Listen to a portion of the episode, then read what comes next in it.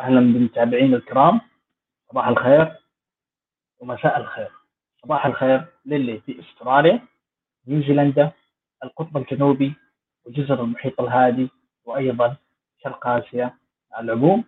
ومساء الخير للي في المزرعة السعودية دول الخليج أفريقيا أوروبا أمريكا الجنوبية والوسطى وشمال أمريكا.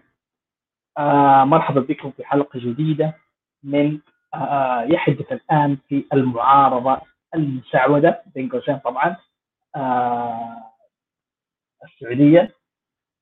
طبعا في هذه الحلقة راح أشارك معاكم عن الأحداث اللي حصلت في الأيام الأخيرة في المعارضة عشان نحن نعرف آه كيف نقدر نقيم ونطور من آداء المعارضة والناشطين والاصلاحيين واللي يعني يحبون يطلقون على أنفسهم هذه المسميات. في هذه الحلقة مثل ما أنتم شايفين راح أشارك معاكم أبرز الأحداث اللي حصلت المعذرة بس في البداية حاب يعني آه أيضا حاب أرحب بالمتابعين اللي بيستمعون إلينا من آه البودكاست مثل ال SoundCloud أو Spotify أو Apple Podcast لأني راح أشارك هذه الحلقات صوتيا في كل المحطات. أيضا آه راح أبدأ في البداية كالعادة إني راح أشارك معكم المقدمة والهدف من هذا البرنامج. طبعا عشان الناس تكون واضحة إنه هذا البرنامج راح يكون كل مساء أربعاء في أستراليا راح يكون آه صباح الخميس. كل أربعاء حلقة أسبوعية من برنامج يحدث الآن في المعارضة. المساعدة بين قوسين السعودية كل جمعة أو كل مساء خميس صباح الجمعة في أستراليا راح تكون هناك حلقة عن رحلة مع الحقيقة. و...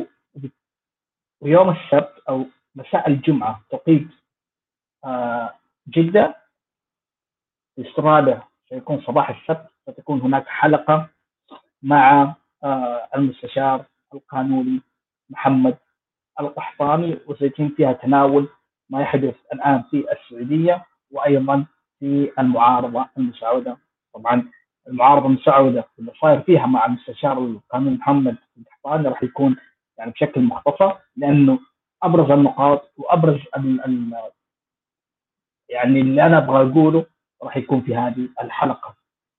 طيب هذه هذه هي المقدمة. آه أيضا الهدف من البرنامج هو إنه يعني المعارضة والأداء اللي إحنا بنسويه وبنقدمه للناس بكل الأطياف بلا استثناء سواء كنت مسلم أو غير مسلم آه شيعي سني مسيحي يهودي آه ديني غير ديني آه أدري ولا ما أدري. هذه كلها راح يتم توثيقها بقدر المستطاع. وأيضا راح يتم توثيقها ومن خلالها أن أتمنى مستقبلا إنه المعارضة وأداء المعارضة يتم تطويره ويتم يعني تحسينه بشكل أفضل لأنه اللي أنا راح أناقشه الآن معاكم في هذه الحلقة راح يكون جدا يعني آه مش مختلف بقدر ما إنه هو راح يعطي انطباع للمعارضة وأيضا للشعب إنهم يبدأوا يستوعبوا يبداوا يفهموا إنه الآن اللي قاعد يصير في المعارضة شيء مختلف تماما. آه يختلف عن على الأقل آخر سنتين ثلاث سنين لما آه ظهرت يعني أسماء كثيرة فجأة. وأنا كنت أحدهم آه للعلن وبدأوا يمارسوا أبسط حقوق الإنسانية حرية التعبير. الآن بدأ يصير في اختلاف بسيط واختلاف ملحوظ ونوعي في المعارضة. وهذا الاختلاف إذا استمر بهذه الطريقة على الأقل بشكل أو بآخر خلال سنتين ثلاث سنين راح يعني يتم آه استيعاب أداء المعارضة من قبل الشعب وكيف يعني وكيف تمضي هذه وكيف يصير هذا الأداء وهل من الممكن أن يتحسن أو يتطور أو إنه يعني آه يصبح أفضل من اللي صاير الآن؟ فبالتالي راح يصير راح يكون من أجل الشعب على الأقل أنا اللي بسويه من هذا البرنامج إنه راح يكون من أجل الشعب من أجل آه البلد. وأنا أحب التاريخ كشخص أحب التاريخ أحب أوثق هذا الشيء اللي صار عندنا في المعارضة عشان الناس تعرف وتتطور وتأخذ انطباع أكبر عن اللي صاير الآن في هذه الفترة من المعارضة أو من تاريخ المعارضة. وأيضا أنا احث الناس خصوصا الناس اللي يعني آه ما تبغى تحتك بالمعارضة بسبب إنهم يعني يبغون يستخدمون الدين كبديل أو كحل بديل للوضع عندنا في البلد. إنها تبدأ تعبر عن رأيها تبدأ تنتقد تبدأ يعني آه تعدل وتصحح مو شرط مثل ما أنا سويت إنهم يعني يبينوا أو يعلنوا للناس إنهم هم ما هم مسلمين أو إنهم يعني يؤمنون بديانات أخرى. آه عشان يعني الواحد آه ممكن ما يتقبله أو إنه ممكن يعني آه يعني حر يتم التحريض عليه أو شيء من هذا القبيل. لا.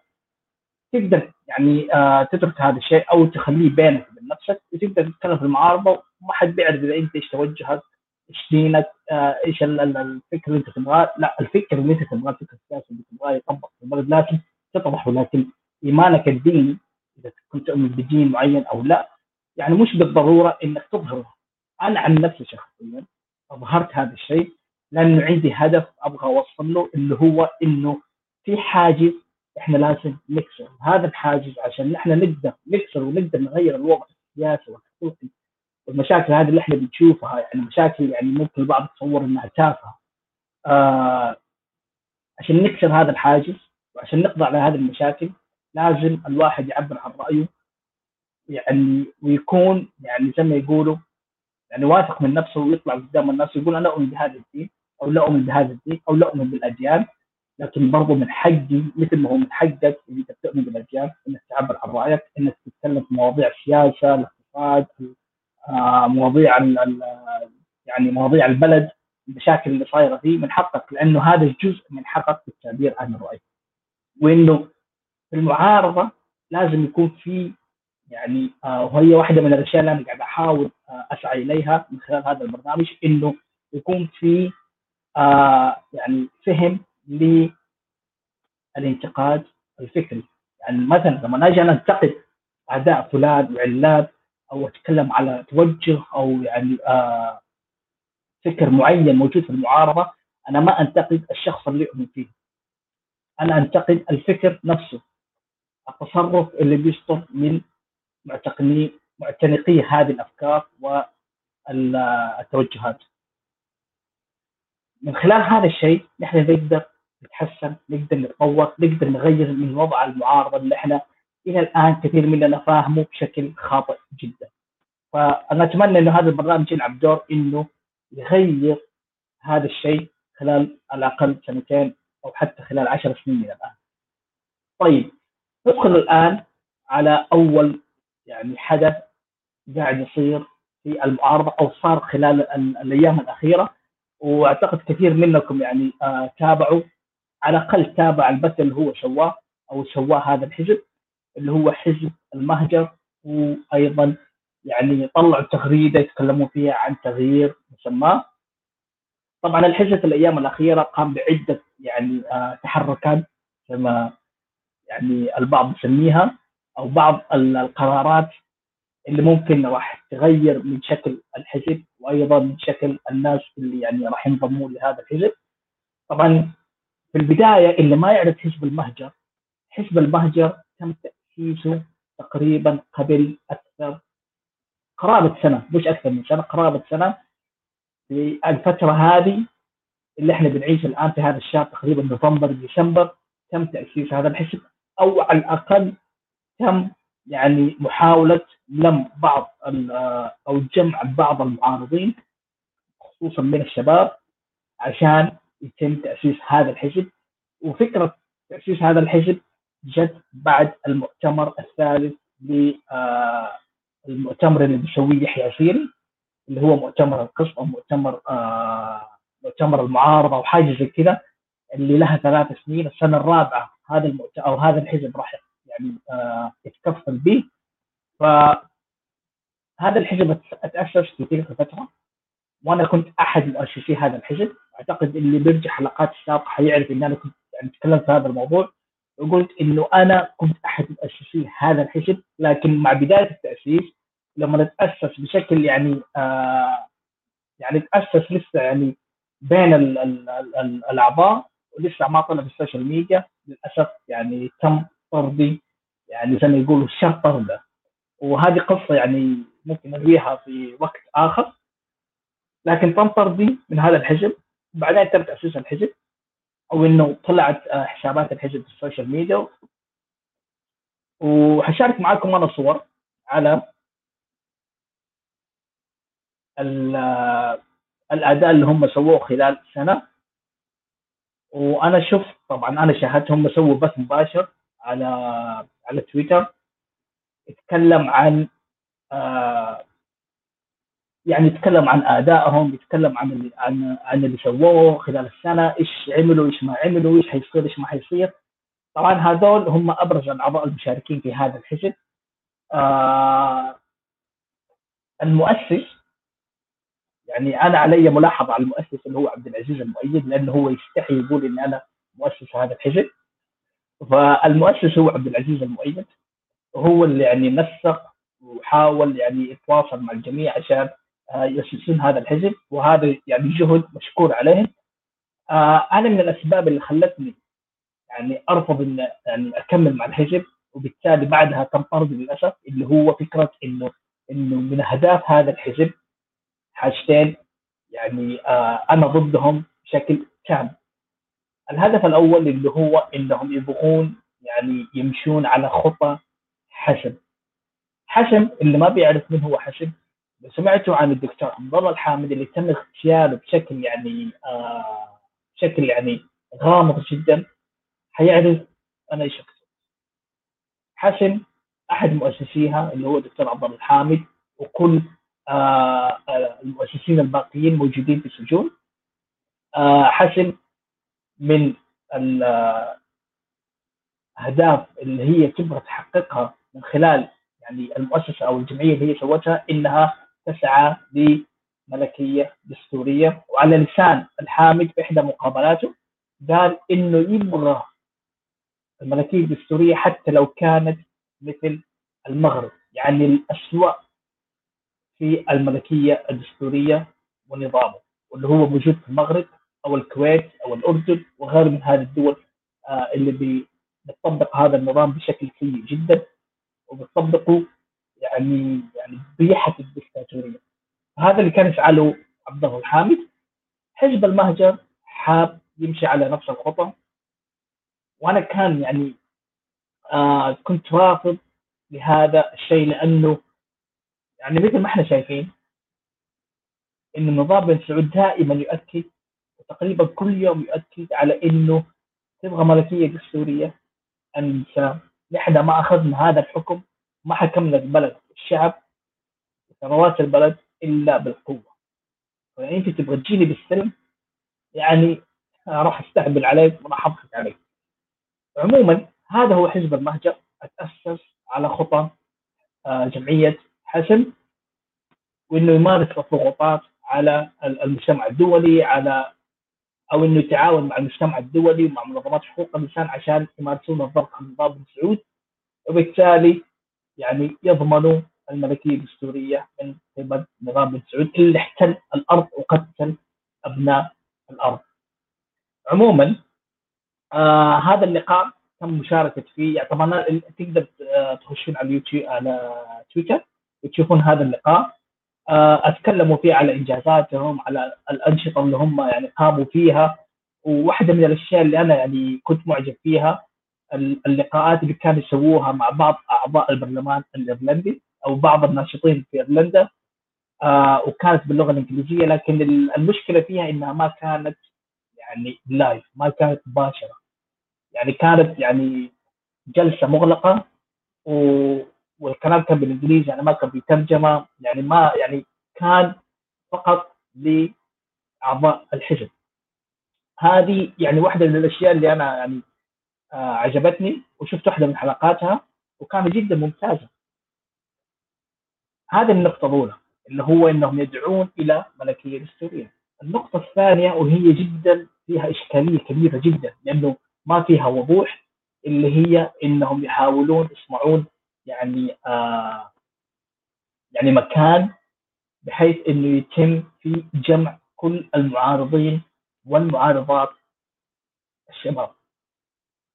وهذه بحد ذاتها مشكلة لأنه أنت لما تجي تضم الشباب وتتغاضى عن توجهاتهم وأفكارهم وفي النهاية تفرض عليهم وتقول لهم إنه هذا الحزب يسعى لملكية دستورية وكثير من الشباب الشابات يرفضون الملكيه الدستوريه وتبغى تحطهم حزب المهجر معناته أنت كذا ما تبغى إلا تسوي حاجتين.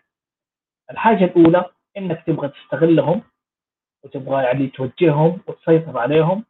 والحاجة الثانية إنك تبغى تفرض عليهم إنهم يؤمنون بالملكيه الدستوريه وإن الملكيه الدستوريه هي الحل وإنه هذا الحزب يعني هو المكان الأمثل إنه الشاب أو الشابة تقدر يعني تستغل وتستفيد من كفاءاتها من الخبرات اللي عندها.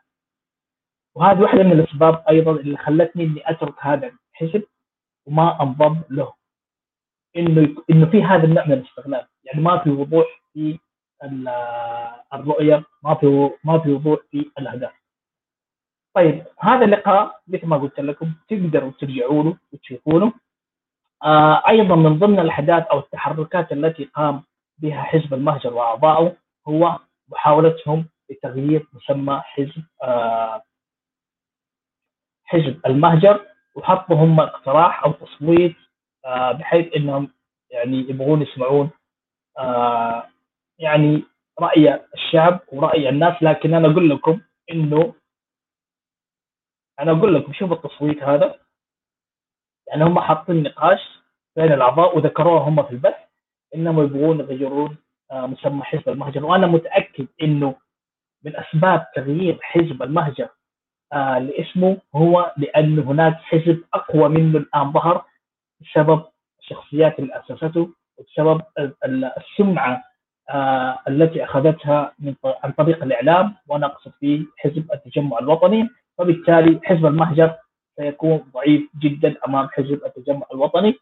إلا إذا هم قدروا يسوون تحالف ويدمجون حزب المهجر مع حزب التجمع الوطني فبالتالي أعضاء حزب المهجر يصبحون هم نفسهم أو يصبحون أعضاء في حزب التجمع الوطني مثل ما صار في مؤسس حزب المهجر اللي هو عبد العزيز المؤيد. عندما تم الإعلان عنه من قبل حزب التجمع الوطني كأحد اعضائه وتقدر ترجعوا لتغريدة آه، حزب التجمع الوطني بحسابهم في تويتر.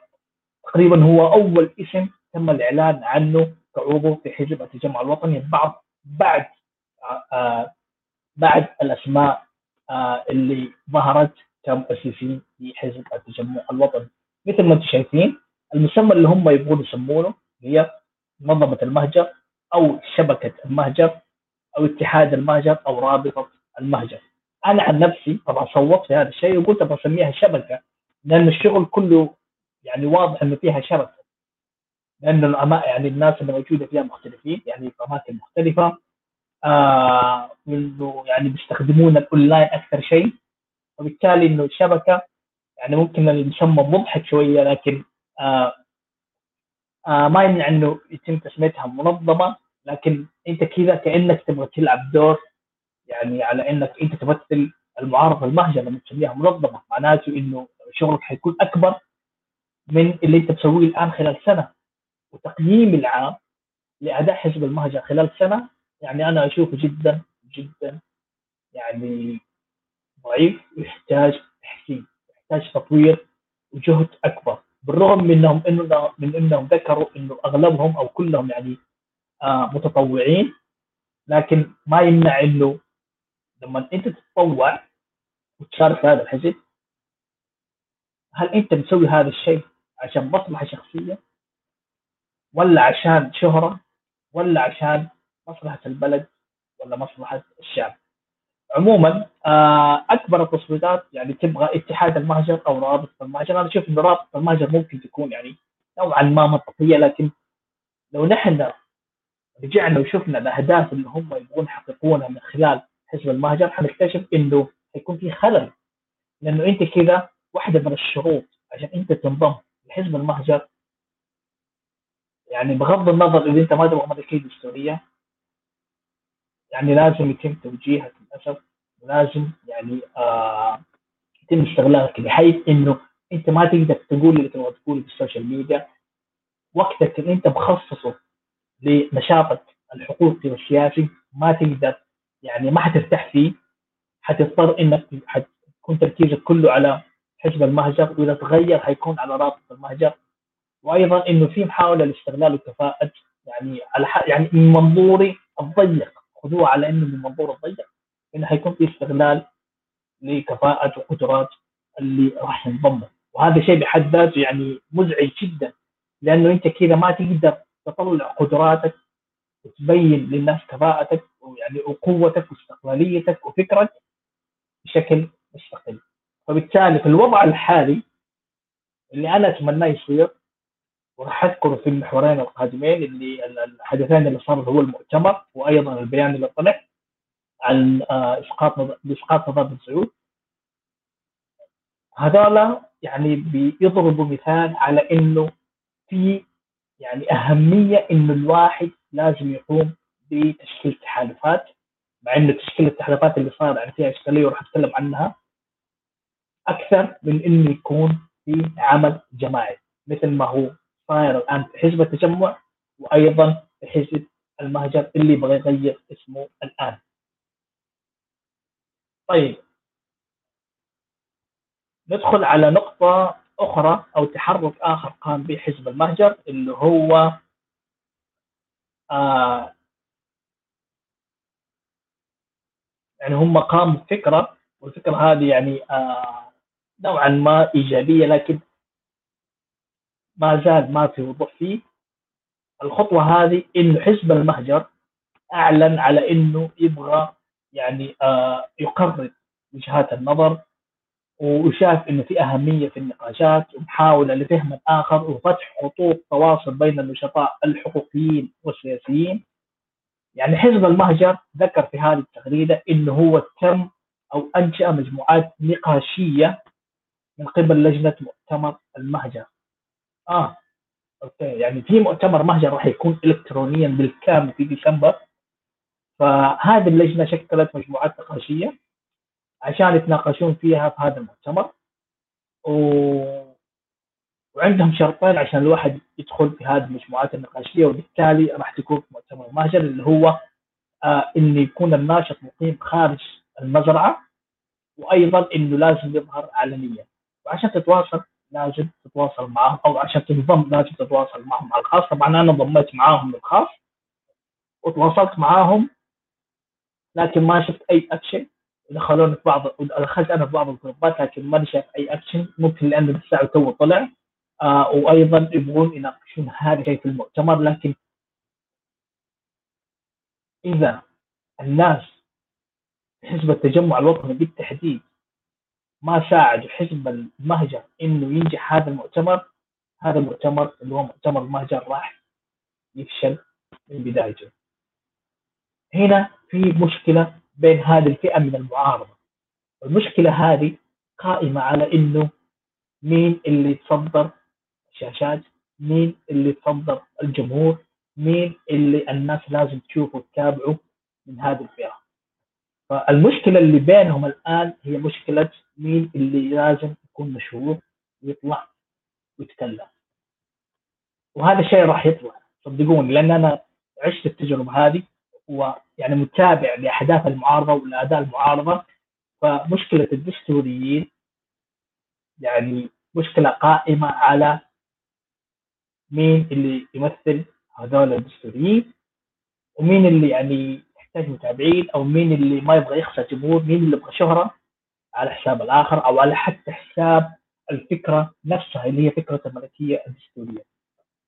فنصيحتي للجنة مؤتمر المهجر ولحزب المهجر إذا ما حصلتوا أنتم دعم على الأقل معنوي من قبل أعضاء حزب التجمع الوطني اللي أنتم بتؤمنون بنفس أفكاركم واللي اللي بي اللي يعني تابع يعني أهداف أو اللائحة الداخلية أو بيان التأسيس لحزب التجمع الوطني وقارنها بأهداف وتصريحات أو تغريدات حزب المهجر راح يكتشف إنهم الاثنين يعني متقاربين جدا ويتفقون تقريبا في كل شيء. أهمها حاجتين إنه يكون في ملكية دستورية مع إنه حزب التجمع الوطني آه إلى الآن يرفض إنه يسمي هذا الشيء أو إنه يرفض يسمي إيش هو توجهه السياسي ودائما يدعي على إنه هو يسعى للمسار الديمقراطي أو لخلق مسار ديمقراطي آه في البلد وطبعا هذه اسوء حتى من الملكية الدستوريه لأنه كل دور حزب التجمع الوطني قائم على إنه ينشئ هذا المسار وبالتالي لن يستمر إذا هو أنشأ هذا المسار. وحزب طبيعه الأحزاب بشكل عام إنه لازم يكون عندها توجه، لازم يكون عندها مبدأ، لازم يكون عندها فكر تمشي عليه وتحاول تحققه بحيث إذا هي وصلت للحكم خصوصا إذا كان حزب سياسي لازم يطبق هذا الحكم أو النظام السياسي. فحزب التجمع الوطني لا يملك رؤية حقيقية مع إنهم ذكروها في اللائحة الداخلية لا يملك يعني آه عنده أهداف والأهداف هذه جدا متقاربة آه من آه حزب المهجر. هذه النقطة الأولى. النقطة الثانية اللي هي إنهم يحاولون يجمعون أكبر عدد ممكن من المعارضين الشباب والشابات. آه خصوصا يعني لازم تكون مسلم طبعا بس ما بيفرق إذا أنت سني ولا شيعي ولا زيدي ولا اثنا عشري ولا أي واحدة من هذه الفرق الإسلامية الموجودة أو التي خلقت أو أوجدت على مدى 1400 سنة. ما يفرق معهم هذا الشيء لكن إذا أنت يهودي أو مسيحي أو ملحد آه هنا يعني أتوقع يعني راح تكون في أزمة. وممكن يضموك على مضى لحاجة واحدة فقط إنهم يشغلوك عن الأداء الاستقلالي أو المستقل اللي أنت بتسويه يعني آه في تغريداتك في بثوثك في آه مقالاتك. في أي شيء. ليش؟ لأنك أنت كافر. إذا أنت كافر يعني والله الشعب بعدين يزعل علينا. أنتوا كيف تجيبوا فلان وما فلان ما أدري إيش؟ فنحن إيش؟ نخليك تلعب من تحت الكواليس. تلعب من تحت الكواليس على هذا الكافر أو غير المسلم معناته إنك أنت حيدته عن آه استقلاليته عن فكره عن آه نشاطه الحقوقي والسياسي اللي هو يعني بيسويه بنفس الطريقة وبنفس الأسلوب حتى مش بنفس الأسلوب وبنفس الأداء يعني نفس المكان اللي أنت بتسويه. اللهم إن أنت مسلم وهو غير مسلم.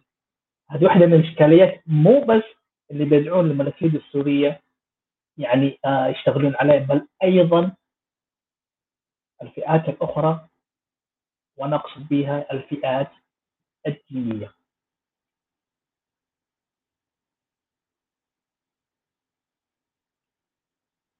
أنا ما أدري يعني هل في مشكلة في النت ولا لا بس أتمنى إنه ما يقطع النت يعني ما يكون عندي قاطع النت لكن آه يبدو هذا التوقيت عندي في أستراليا أو في هذا الوقت يعني عندنا الساعة 9 الصباح يعني ممكن النت يكون بطيء. ماني عارف ليش مع إنه يعني آه يعني الناس ما تكون موجودة في البيت أصلا يعني يا يعني في الشغل أو في الجامعة أو يعني أو نايمة حتى. فانا مستغرب يعني. مش أنا بكتب آه إذا النت شغال ولا لا. مش أنا عندي البث يعني أنا يظهر معي الشاشة الشاشة تظهر معي إذا آه إذا إذا النت عندي بطيء ولا لا. إذا الشاشة يعني إذا إذا يعني إذا البث يبين إنه بطيء ويمشي بطيء وهذا معناته إنه المشكلة عندي. لكن حاليا شايف إنه عادي ماشي طبيعي فبالتالي أتوقع إنه أوكي. آه ممكن يكون عندك ما أدري. حاول تكون قريب من الواي فاي طيب. آه طبعا التغريدة هذه اللي أنتم شايفينها ذكرتني بنفس الطريقة اللي سواها مؤتمر المهجر اللي سواه يحيى سيري العام الماضي اللي يكون فيه جروبات نقاشية ويتم تناقش أو يعني يتم النقاش فيه عن آه إيش اللي تحتاج فيه المعارضة آه إيش التغييرات إيش هذا وبالتالي يعني آه يتم نقاشه لاحقا في المؤتمر.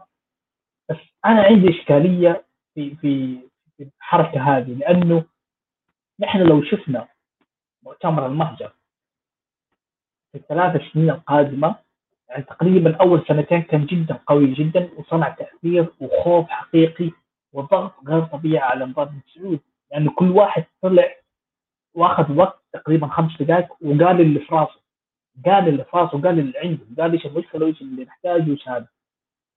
فهذا كان تاثير حقيقي. وهذا برضه صنع يعني كانت ممكن تستخدم بعدها بطريقه إيجابية بحيث انه يتم تشكيل تحالفات مع آه، أطياف المعارضة المختلفة. آه، ويكون في عمل يعني مش موحد بقدر ما إنه يكون في تحالفات على تحقيق هدف معين وكل واحد يحترم ويتقبل آراء الآخرين ومعتقدات ومعتقدات وايمان وإيمان الآخرين باللي يؤمنون فيه لكن هذا الشيء للأسف ما تحقق ومثل ما إحنا شفنا الآن طلع حزب التجمع الوطني اللي بيعطي نفس الدور اللي بيسويه حزب المهجر اللي تأسس قبل سنة. طيب خلونا نشوف آه خلونا نشوف تقريبا في تغريدة أخرى على آه يعني مش تغريدة صورة أحد اللي كانوا يبغون ينضمون لحزب آه المهجر. طبعا حزب المهجر عنده آه عضوية اشتراك سواء كنت طالب جامعي موظف أنا ماني عارف إذا أنت كنت داخل البلد أو خارج البلد لكن عندهم اشتراك لحزب المهجر وهذا الاشتراك يعني آه يعني تدفع عليه فلوس. وبالتالي هذه طبيعة الأحزاب في كل مكان في العالم إنه انت عشان آه يعني يتم يعني الحزب يعني يمول نفسه بنفسه إنه يكون في اشتراكات من الأعضاء المنضمين له. وهذه ممكن تكون نوعا ما جديدة عندنا في البلد آه لكن هو شيء إيجابي في نفس الوقت. يعني الناس لازم تستوعب هذا الشيء وتبدأ تتعود على هذا الشيء إنه أنت لما تسوي حزب وتحتاج يعني أعضاء الأعضاء يعني عشان يلعبون دور طبعا في تمويل هذا الحزب وإنه ي... لما يتم تمويل هذا الحزب طبعا يتم يعني تحسين الأداء يتم يعني آه عمل برامج آه يتم يعني آه نشر الوعي بالبرامج اللي هم يسوونها وأيضا يعني ينتشر الحزب ويأخذ يعني صوته وصيته وسمعته ويعني كل حاجة يعني قدام الناس. فمثل ما أنتم شايفين هنا يعني عندهم الاشتراك السنوي للشخص العادي تقريبا بيكلف 55 يورو في السنة. آه للطلبة اللي هم الجامعيين ومدارس. أو ما أعتقد طلاب المدارس بس الجامعيين وغير العاملين غير الموظفين. 20 يورو سنويا. وفي ناس معهم رسوم الاشتراك أتوقع اللي هم يعني طلبة المدارس أو يعني دون السنة القانونية أو يعني آه ظروف خاصة أو ايا كان فيكونوا مأثمين من آه، رسوم الاشتراك هذه خطوة يعني أنا أشوف إنها إيجابية عشان الحزب يستمر في الأداء اللي هو بيقدمه آه ويسوي اللي يقدر يسوي عليه في المعارضة ويحاول يعني يصنع أو يوصل فكرته وتوجهه للناس من خلال دعم الأعضاء المنضمين له. طيب آه خلونا ناخذ بريك وفاصل سريع كذا ونرجع لكم آه مع مع المؤتمر الأول لإحرار وحرائر جزيرة العرب من قبل دخيل الناصر القحطاني زعيم حركة تحرير جزيرة العرب. هذا المؤتمر هذا المؤتمر حدث تقريبا يوم السبت مساء السبت. آه وأيضا راح أتكلم معاكم أو راح أشارك معاكم عن البيان الذي صدر من بعض من بعض مش أطياف المعارضة أو كلهم لا من بعض أطياف المعارضة. المسعوده لاسقاط نظام بن سعود. راح أتكلم معاكم في هذا المحورين بعد الفاصل وسنعود بعد قليل.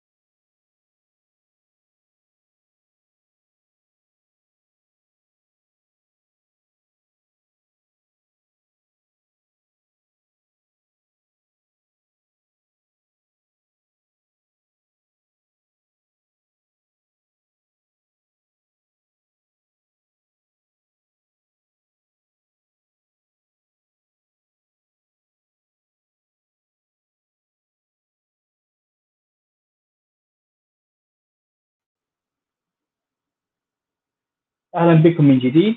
طبعا عدنا للحلقة مرة أخرى.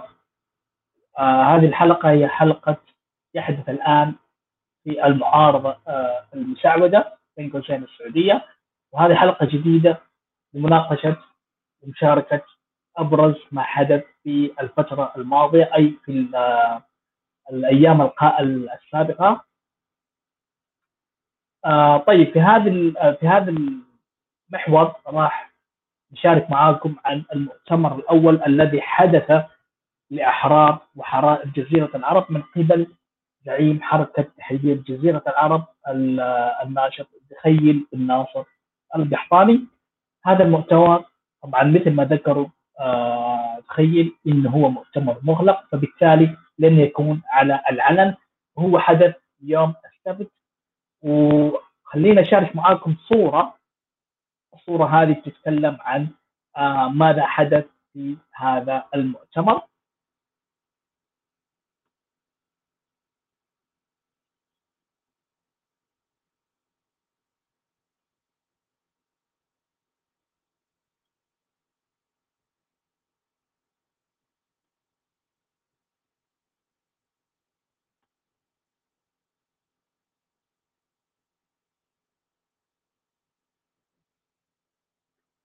طبعا اللي يبغى يعرف ماذا حدث في هذا المؤتمر على الأقل بشكل يعني مبسط آه يقدر يرجع لتغريدة تخيل بن ناصر القحطاني واللي يقول فيها يعني طبعا آه بعد بسم الله الرحمن الرحيم يعلن المجتمعون في المؤتمر المغلق لأطياف المعارضة للنظام السعودي بين قوسين تصويتا بالاجماع عن تأسيس أول برلمان وطني انتقالي والتفاصيل تأتي لاحقا. طبعا أنا عندي آه بعض الاستفسارات اللي يعني كمعارض وكناشط وكإنسان وكمواطن لهذه البلد حاب أطرحها لدخيل بن ناصر القحطاني وأيضا للناس اللي حضروا هذا المؤتمر اللي هو يعني يعني طلعوا بالإجماع على إنه راح يتم في إنشاء أول برلمان انتقالي وطني. طيب أول سؤال اللي هو ما هي توجهات الحاضرين لهذا المؤتمر؟ لأنه أنت بتقول يعلن المجتمعون في المؤتمر الأول لأطياف المعارضة معناتك أنت بتعمم إنه أطياف المعارضة حضرت هذا المؤتمر فبالتالي أنا المفترض إني أفترض إن اللي حضروا هذه آه، اللي حضروا هذا المؤتمر ناس تؤمن بالدين الإسلامي ناس لا تؤمن بالدين الإسلامي ناس تؤمن بالدين الإسلامي ولكن آه، من فرق مختلفة. ناس لا تؤمن بالدين الإسلامي بل تؤمن بأديان أخرى. ناس لا تؤمن بالدين الإسلامي لكن لا تؤمن بأي دين آخر. هذا اللي نفترضه على الأقل. من ضمن التوجهات الأخرى إنه أنا افترض إنه في ناس تبغى إنه يكون الحل البديل للنظام بن سعود هو حل إسلامي يعني ديني وافترض إنه أيضا اللي حضروا بعض من الأطياف المعارضة ناس من توجهات يعني آه غير دينية فبالتالي إنه نظام حكمهم أو النظام اللي هم يبغون يسعون لتطبيقه والعمل به عندنا في المجرة السعودية هو نظام لا صلة له بأي دين أو ممكن بدين معين. هذا اللي نفترضه من توجهات الحاضرين. طيب إحنا عشان نحن نتأكد من هذا الشيء لازم نحن نرجع لحساب تخيل بن ناصر القحطاني ونراجع التغريدات اللي هو ذكرها عن بعض المشاركين واللي هو سوى لهم تغريدات إنهم راح يحضرون هذا المؤتمر. اللي حضر اللي التغريدات اللي ذكرها تخيل بالناصر القحطاني عن الحاضرين أو اللي راح يشاركون في هذا المؤتمر. اللي صار يوم السبت الماضي هو أو هم ساهر الشهري. طبعا الناس اللي أنا حذكر أسمائهم ممكن البعض يعرف توجهاتهم. واللي ما يعرف توجهاته أنا أعرف توجهاته وراح أقول لكم إيش هي توجهاته. وحيكون يعني شيء صادم يعني للأسف يعني للناس اللي ضد فكرة الملكية الدستوريه أو في أو ضد فكرة آه يعني حزب يجمع فيه كل المعارضة. مثل التجمع الوطني أو المهجر أو يعني وما شابه. يعني القصد لا القصد يعني حقوقية بحتة معلش. سوري anyway آه زاهر الشهري المقيم في أمريكا عبد الله الغامدي المقيم في كندا اللي سماه زاهر الشهري شيخ المعارضين في كندا. بين قوسين يعني. آه الدكتورة رجاء الإدريسي أيضا المقيمة في كندا. آه زعيم حركة آه الكرامة معا الجربة. آه أو الدكتور معا الجربة. أيضا المستشار القانوني واللي بيظهر معاه في حلقات آه أو برنامج خبايا وبرنامج يحدث الآن في المعارضة المساعدة وأيضا في آه يحدث الآن في السعودية المستشار القانوني محمد القحطاني. أتمنى ما أكون نسيت واحدة من هذه الأسماء أو أي اسم يعني ذكروا دخيل بالناس القحطاني في تغريداته لأنه راح أمسك واحد واحد وأقول لكم هذا إيش توجهه. طبعا آه بناء على ادائه في يعني على أدائه بشكل عام في المعارضة وعلى تغريداته حنكتشف هذا الشخص إيش توجهه وهل هنا السؤال المهم هل هذا المؤتمر اللي صوتوا بالإجماع عشان يتم فيه تأسيس برلمان انتقالي وطني فعلا يحمل أطياف مختلفة من المعارضة أم لا؟ وأنا اقصد باقطاف المعارضة معناته إنه في مسلم وكافر حضروا هذا المؤتمر في نفس الوقت. لأنه هذه معضلة حقيقية لازم يتم حلها عندنا في المعارضة. انه لازم يتم قبول المسلم والكافر في نفس الوقت. يعني في عمل مشترك في آه، عمل جماعي في تحالف مشترك لازم هذا الشيء يصير. غير كذا راح نبقى في نفس الوضع اللي إحنا عايشين فيه.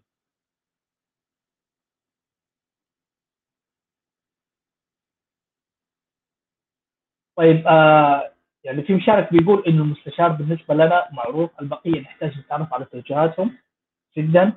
يعني ممكن غيرك يعني ممكن ما يعرف مين هو المستشار لكن إذا هم بيتابعون الحلقات اللي أنا بعملها معاه فممكن يكون عندهم انطباع آه عام عنه. لكن ما يمنع إني أذكره بشكل مختصر جدا.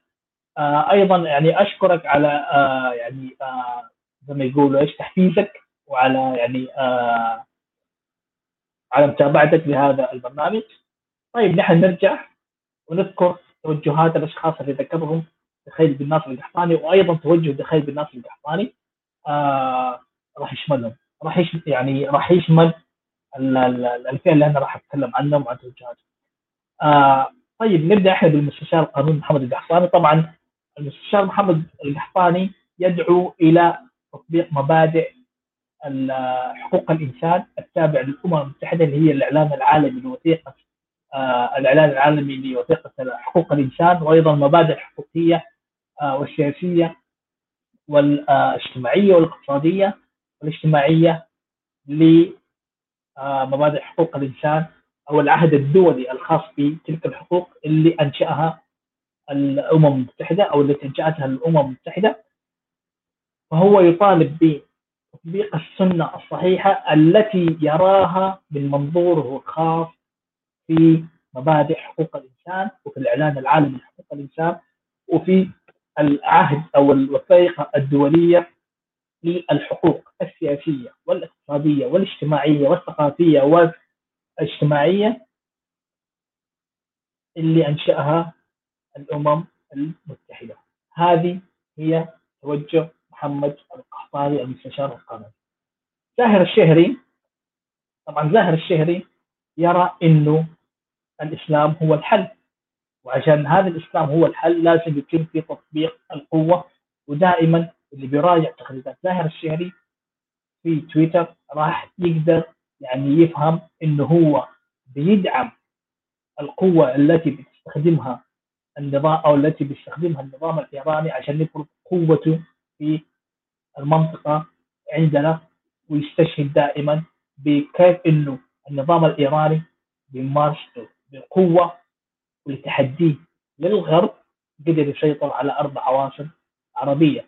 فهو يرى إنه الحل عندنا في في, في السعودية إنه يكون شبيه باللي قاعد يسويه النظام الإيراني أي استخدام القوة باسم الدين. طبعا نحن لو نرجع لتصرفات محمد غار يعني يعني ما ما حنشوف إنه في اختلاف كبير بينه وبين اللي بيسويه النظام الإيراني واللي بيسعى له زاهر الشام. نرجع لعبد الله الغامدي المقيم في المقيم في كندا عبد الله الغامدي طبعا سوى لقاء مع زاهر الشهري ويعني أنا استشفيت للأسف من هذا الحوار اللي صار بينهم انه يبغون فضايح أو زاهر يبغى فضايح أكثر عن الوضع اللي صار في كندا والناس اللي صاروا في كندا لكن آه المشكلة إنه زاهر سماه بشيخ المعارضين لأنه هو أكثر أو يعني أكبر واحد مقيم في كندا مقارنة ببقية المعارضين اللي موجودين هناك لأنه هو هاجر لكندا تقريبا من آه أكثر من 20 سنة أو 20 سنة آه أو قبل 20 سنة يعني لكن ما كان له صوت. هو ما ظهر أصلا فجأة في هذا الوقت إلى لأنه كل المعارضة طلعت والشباب كلهم طلعوا على الساحة وكل واحد بدأ يعني يتكلم عبر الراي فقال خليني نركب الموج يعني خلاص أنا قيد يعني بنيت وسويت ورسمت مستقبلي ومستقبل عيالي خلينا نبدا إيش؟ يعني زي ما يقولوا آه طبعا أنا ما أستنقص من شخص عبد الله الغامدي لكن يعني زي ما يقولوا حركات يعني المتقاعدين مع احترامي لهم جميعا يقول لك لا شغل ولا مشغلة خلينا أساعد يعني الكوميونتي اللي أنا فيه أو أساعد يعني أسوي شيء على الأقل قبل ما أموت أو يعني قبل ما يعني أفقد يعني عقلي أو يعني آه يصير في شيء. فبالتالي أقدر أساعد وأساهم في هذا الشيء. وهذا أنا يعني أقدر العمل اللي بيسويه عبد الله الغامدي. لكن عبد الله الغامدي أيضا مثله مثل بقية آه بعض أطياف المعارضة التي تدعو لاستخدام الدين كحل سياسي عندنا في البلد أو إنه الدين نفسه الدين الإسلامي هو الحل ل آه يعني جعل البلد أفضل من اللي إحنا عايشينه الان تحت نظام بن آه عندنا أيضا الدكتوره جالي دريفي من اسمها يعني يبدو إنها تنتمي لأسرة عريقة دينيا. آه أيضا يبدو إن توجهها الديني بحت فبالتالي يعني آه لا يختلف عن بقية ال ال ال بعض اعضاء المعارضه اللي بيطالبون بانه الدين الإسلامي هو الحل. وإذا كان في تعددية دينية أو تعددية تقبل للاديان الأخرى معناته إنه يكون تحت بوتقه أو صندوق الإسلام اللي هو أنت لازم تكون يعني مسلم. بس ما يفرق معي إذا أنت سني شيعي آه يعني مش ملحد معلش يعني آه زيدي اثنا عشري رافضي آه ناصبي وات ايفر بس أهم شيء إنك أنت تكون مسلم يعني تصلي وتصوم وتسوي الأساسيات الخمسة دي. هذه الدرجة وهذا اللي أنا أتصور يعني. آه الدكتور معن الجربة هو زعيم حركة آه الكرامة اللي هي يعني على حسب ما أنا يعني آه املك من يعني بعض المعلومات عن هذه الحركة اللي هي حركة حقوقيه آه واتصور أيضا إنه مع الجربة يعني مسلم وما زال يؤمن بالدين الإسلامي مع انه توجهه يعني آه توجه حقوقي أيضا تخيل بالناصر القحطاني اللي هو يبدو يعني من الكلام اللي هو يعني آه واضح إنه هو زعيم حركة تحديد جزيرة العرب وبالتالي هو يبغى يستخدم القوة عشان يقضي على نظام بن سعود آه يعني أتصور إنه هو يبغى شورى وشيء من هذا القبيل. ومن البيان اللي هو ذكره قال إنه آه يعني إنه يكون في برلمان وطني انتقالي آه لأطياف يعني تم الإجماع عليه من قبل أطياف المعارضة. وأنا ما أستبعد إنه هو إسلامي بحكم إنه اللي بيشوف تغريداته بيتابع تغريداته والأسماء اللي مشاركة في هذا المؤتمر أو اللي شاركت في هذا المؤتمر توجهات دينية بحتة. فبالتالي هو أيضا توجهه إسلامي. ويرى إنه لازم يتم اسقاط نظام بن سعود. يعني آه يعني إذا لم تكن سلمية فبشكل ثوري. يعني ما نقول مسلح لكن بشكل ثوري يعني بالقوة. هذا تصوري يعني بشكل عام عن الأعضاء أو الناس اللي ذكرهم. تخيل بالناصر القحطاني وإنهم بيشاركون في هذا المؤتمر. هنا في سؤال مهم. طبعا أنا ذكرت ذكرت الحضور وذكرت توجهاتهم آه وذكرت تغريدات اللي ذكرها آه بخير الناس القحطان عن هؤلاء المشاركين لما نحن نشوف التغريدة اللي ذكرها خالد بن ناصر القحطاني بعد المؤتمر اللي هو حيكون فيه برلمان وطني انتقالي طبعا هو بيقول إنه في برلمان وطني انتقالي. أنا أفترض إنه هو يشمل كل أطياف المعارضة مثل ما هو ذكر في التغريدة يعني كافر وغير كافر. هذا اللي نقصده بالتحديد كافر ومسلم. آه يدعم بعض الحقوق اللي الدين نفسه بيرفضها بشكل تام ويقمعها وأيضا بيشمل ناس لا تدعم هذه الحقوق. كلهم في مكان واحد فيها ذكور وفيها إناث. وهذا واضح يعني من اللي ظهروا يعني الدكتوره رجاء. تمثل يعني الصوت الناعم فبالتالي يعني في ذكور وفي إناث طيب اطياف المعارضة اللي ذكرهم يعني آه دخل بالناس القحطاني في هذه التغريدة هل هم يعني آه مثل ما أنا ذكرتهم قبل شوية يعني الوصف اللي ذكرته ولا هم كلهم مسلمين؟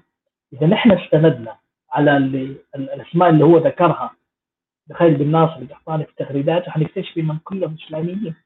إسلاميين يعني يؤمنون بالدين الإسلامي ويرون إنه آه، الدين الإسلامي لازم يطبق عندنا في البلد عشان الوضع السياسي عندنا يتحسن ويكون أفضل من اللي صار ويشوفون إنه الديمقراطية وإنه الحقوق وإنه الانتخابات والعملية السياسية كلها تنبثق من الدين الإسلامي. هذا بحد ذاته مشكلة لأنه أنت عندك تقريبا مثل ما ذكر الدكتور محمد المسعري في إحدى لقاءاته إنه في إحصائية طلعت إنه عدد الملحدين أو الناس اللي, اللي ما بتؤمن بالدين الإسلامي داخل المزرعة السعودية هي تقريبا 10% والآن ممكن أكثر من كذا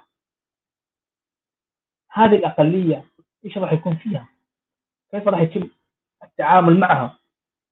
أنا أذكر مرة قبل كم سنة واحد اللي موجودين في الحضور أو واحد من الحاضرين أو اللي حضر هذا المؤتمر قال إنه إذا أنت مواطن وعندك الجنسية ومن أهل البلد وولدت وتربيت وترعرعت في هذا البلد لكن أنت لا تؤمن بالدين الإسلامي أنت مالك مكان في البلد إذا تم حكم آه إذا تم استخدام الدين الإسلامي ك آه أسلوب حكم في البلد عندنا السعودية وفي المزرعه تخيل هذه نظرته تجاه هذه الأقليات التي لا تؤمن بالدين الإسلامي إنه أنا أوفر لك تذكرة طيران خمسة نجوم. حلو؟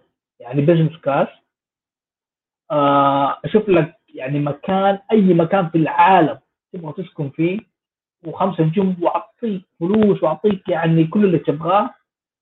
آه أهم شيء إنك تطلع من البلد. ليش؟ لأنك أنت ما انت مسلم هذا الكلام طبعا واحد من اللي حضروا هذا المؤتمر قال لي هو أو قالها يعني في واحدة من الجروبات اللي أنا مشارك فيها الجروبات النقاشية قبل أكثر من سنة. أنا ما أدري إذا هو الآن ماشي على هذا التفكير ولا لا ومصر على هذه الفكرة ولا لا لكن تخيل إنه واحد يعني أحد اللي حضروا هذا المؤتمر للأسف يبغى يمارس هذا الشيء ضد هذه الفئة من الناس اللي هم يعتبروا أصلا أهل البلد. لكن لا يؤمنون بالدين الاسلامي إنه يتم طردهم يعني بشكل يعني هو يشوف إنه بشكل محترم. إنه يعطيه آه، يعني المبالغ اللي يبغاها آه يعني يوفر له أفضل سكن وأفضل يعني مكان هو يختاره من عنده.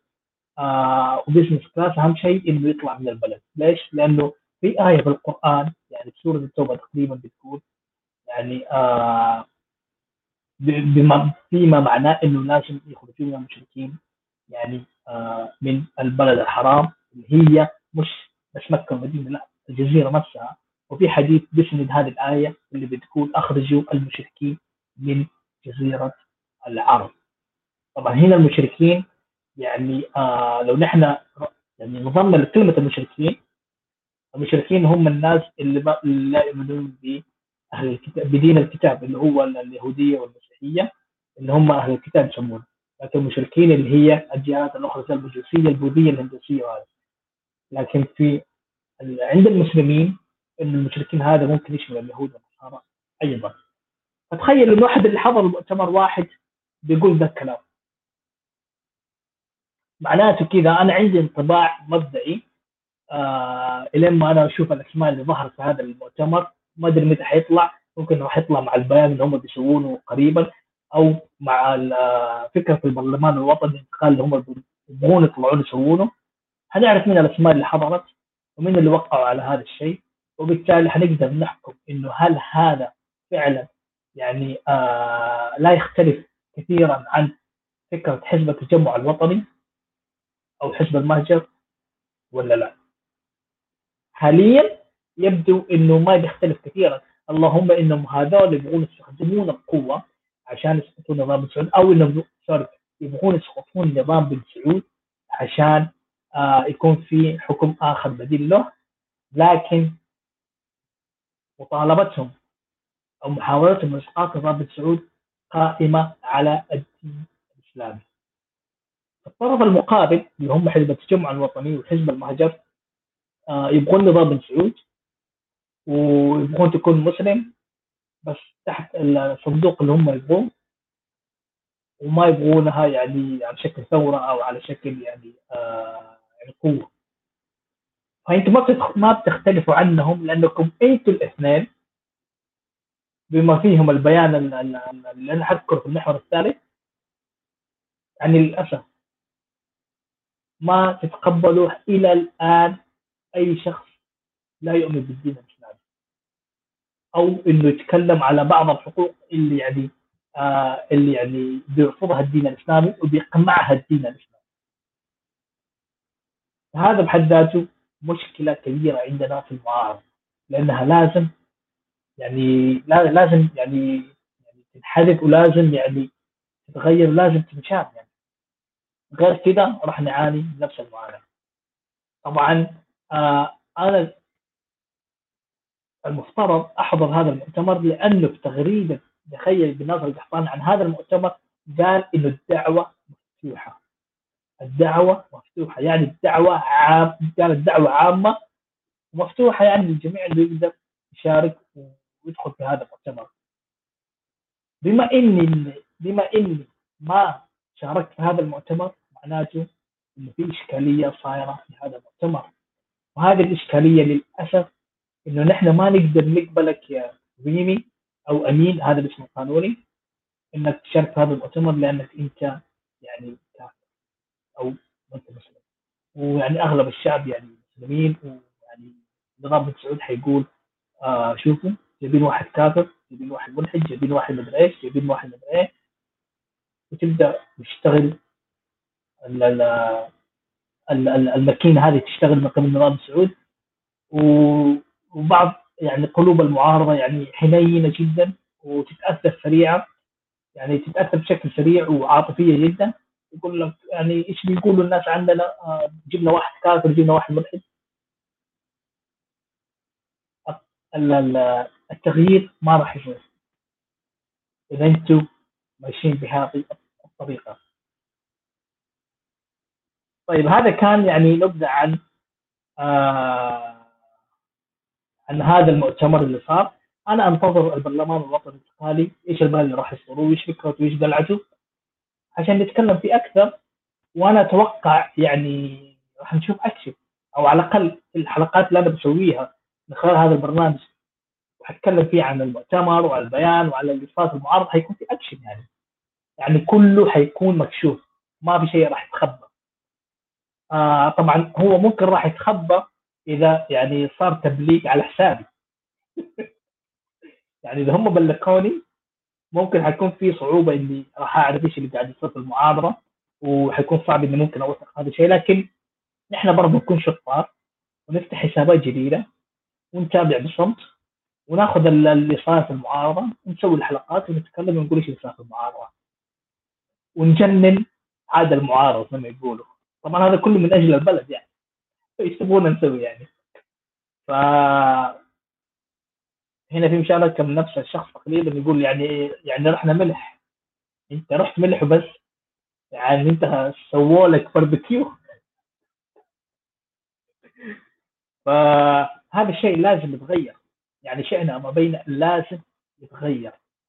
يتغير بمعنى إنه يعني إنه أنا كإنسان في المعارضة لما أجي أتعامل مع شخص آخر في المعارضة لا أنظر لدينه لا أنظر لمن آه، يعبد لا أنظر إنه هو هل يؤمن بهذا الدين ولا لا أنا أنظر له على إنه هو شخص أو إنسان آخر يسعى لنفس الهدف اللي أنا أبغى أحاول أحققه بغض النظر عن الدين والأعتقاد اللي هو بيؤمن فيه.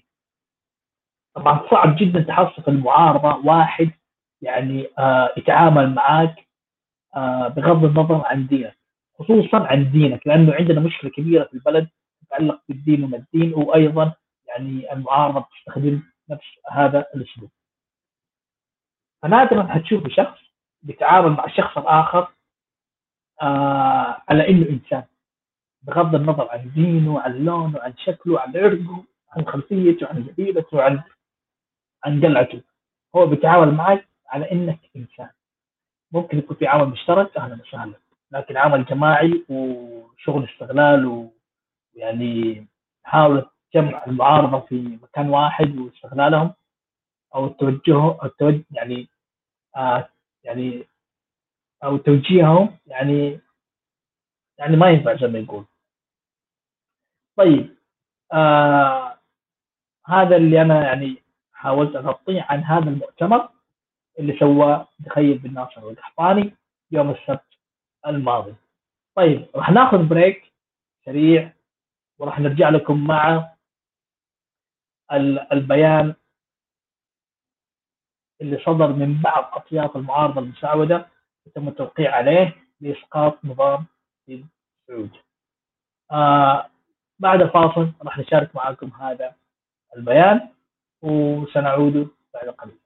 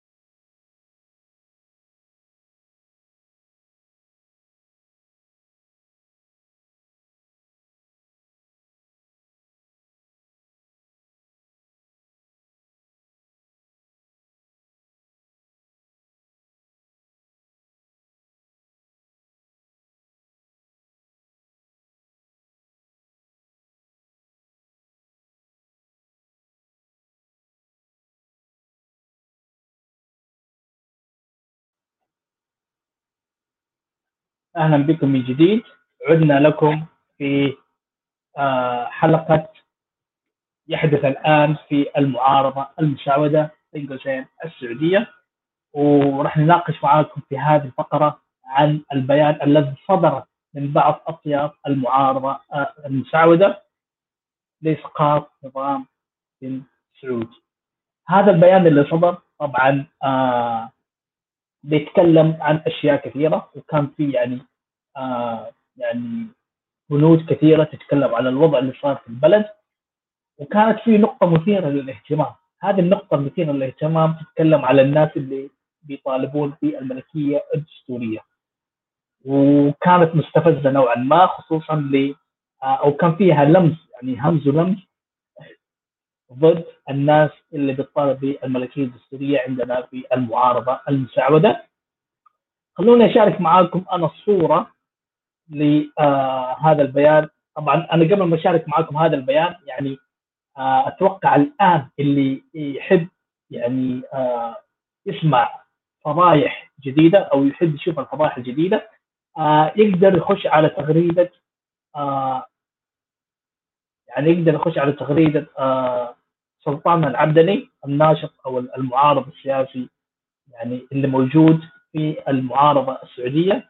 حط تغريدة الآن هو مسوي مسوي لها بدء اتصور اللي يحب يعني يسمع الفضايح آه حاجة صار عندنا في المعارضة فاللي يبغى يسمع فضايح أو يعني شيء من الفضايح آه اللي قاعد يدور عندنا في آه كواليس أو خلف الكواليس في آه نظام بن سعود يقدر يتابع البث المباشر لسلطان العبدلي واللي يعني يذكر فيه إنه آه إنه إنه هو راح يطرح ملف خاص بخلية استخباراتية تتبع تحديدا الأمير أحمد بن عبد العزيز اللي تقريبا كثير مننا يتصور إنه أحمد بن عبد العزيز يعني واحد حبوب واحد لما صار وزير الداخلية أفرج عن بعض المعتقلين واعتبروها بعض الناس وقتها من خصوصا من داخل عائلة بن سعود إنها خطر على على نظامهم وعلى المجتمع وبالتالي تم عزل أحمد بن عبد العزيز من منصب وزارة الداخلية.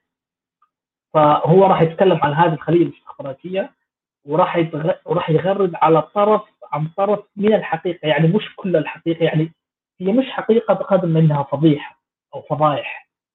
بس هو راح يتكلم على طرف من هذه الفضايح آه، ورموز حتى لا يتضرر من سرب هذه الوثائق. معناته إنه في واحد سرب له هذه الفضايح آه لسلطان العبدلي وسلطان العبدلي راح يتكلم على يعني الطرف منها أو جزء منها. وهذا الملف يعني على حسب ما يدعي سلطان العبدلي إنها بيد ثلاثة أشخاص اللي هم محمد بن سلمان هبس والفريق الهويريني وأحمد عسيري وبالمناسبة على إثر هذا الملف أقيل الفريق يوسف ولد حرشة طيب هذه التغريدة طبعا كانت أمس. هو نزل تغريدة أخرى وقال يعني آه اللي هي تقريبا كانت قبل ساعة وذكر فيها إنه راح أتكلم على هذا على هذا الملف. وتقدروا أنتم ترجعون وتشوفون هذا الملف مثل ما هو ظاهر عندكم إنه هو بيقول بعد ساعة سأغرد على الفضيحة اللي هو راح يشارك فيها مع آه الشعب مع المعارضة الناس اللي بتحب الفضائح يعني طبعا مع انه الفضائح هذا يعني ليست إلا يعني تخدير للأسف آه وهذا اللي بيسويه بعضنا في المعارضة سواء كان من سلطان العبد أو غيره إنه يتكلم على الفضائح أو حتى من بعض الإعلاميين الأجانب أو الغربيين أو العرب من غير السعوديين أو المسعودين يعني ماشيين على فكرة إنه لازم يكون في فضائح على محمد بن سلمان وعلى نظام بن سعود أو بالتحديد يعني فقط محمد بن سلمان وعلى الناس اللي تحته الهويريني زي آه آه هذا شو اسمه العشيري وسعود القحطاني وبدر العساكر وغيره أنت لما تقول فضايح أنت كذا بس بتخلي الناس تعرف إنه okay هذول فاشلين ومجرمين وهذا طيب آه okay أنت قلت الفضايح طيب بعدين ليش أسوي؟ إيش تبغاني أنا أسوي؟ يعني okay عرفت الفضايح هذه وعرفت هذا طيب what's next؟ إيش هو التالي؟ فهذه بعض الأخطاء أو بعض المشاكل اللي بتعاني منها المعارضه إنها بس تطلع فضايح بدون ما يكون في عمل حقيقي أو عمل يعني أو إجراء يصير من قبل المعارضة عشان يتم القضاء على هذه الفضيحة أو على هذه المشكلة اللي فقط يعني يعني ذكر فضايح والحديث عن هذه الفضايح وبعدين خلاص. مثل ما طلع قبل فترة كتاب عن واحد من الصحفيين الأمريكان يتكلم فيه على محمد بن سلمان وكله فضايح. طيب وبعدين أنا إيش استفدت؟ وترجموا واحد اسمه زايد بن جميل. آه ترجموا كله وقدموا للشعب. يا شعب شوفوا الفضايح طبعا إيش أستفيد يعني؟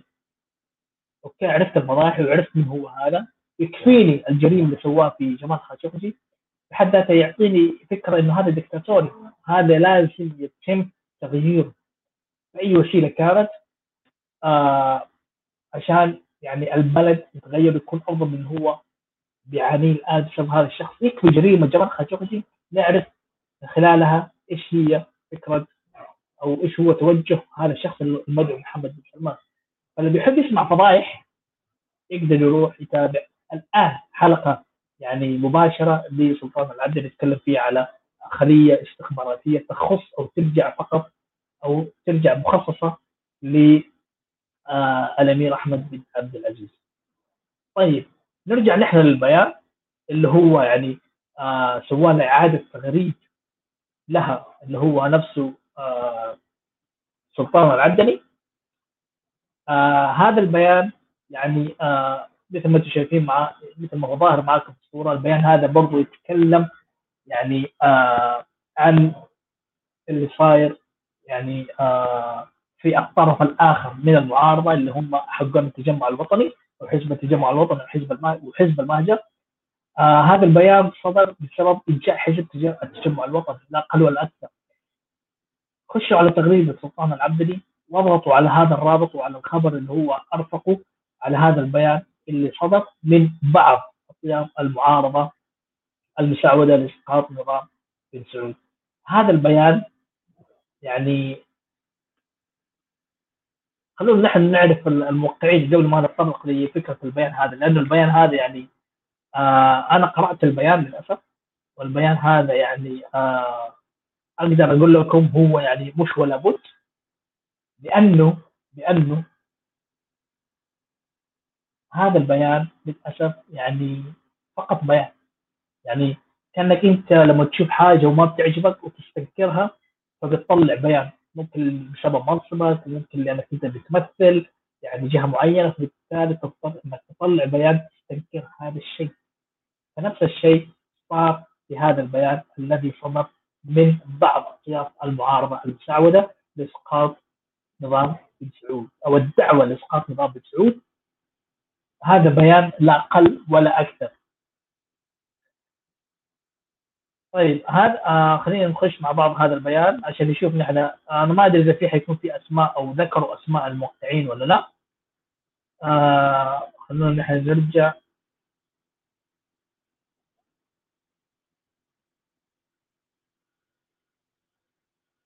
طيب نحن نشوف هذا البيان. طبعا البيان طويل جدا. يعني بالمناسبة البيان طويل جدا. آه بس فكرته بشكل عام إنهم هم يبغون يسقطون نظام بن سعود آه يتكلمون فيه عن المشاكل اللي صارت في البلد العنف القمع آه، انتهاكات حقوق الإنسان وغيره.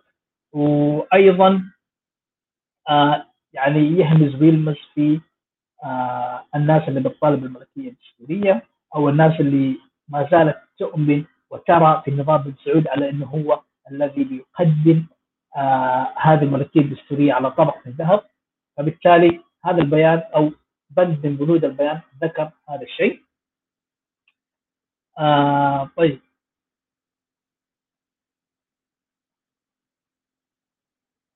حلو. هذا البيان آه اللي أصدروا اللي هي الدكتورة رجاء بنت علي بن الإمام الحسن الإدريسي هي التي أصدرت هذا البيان عن طريق آه منظمة معروفة جدا اسمها منظمة افاز اللي هي تهتم أو القائمين على هذه المنظمة تهتم بالناس اللي يعني آه يعني يعني عندها آه مش مشاكل بقدر ما إنه في أزمات قاعدة تحصل حول العالم والإنسانية لازم تتحرك.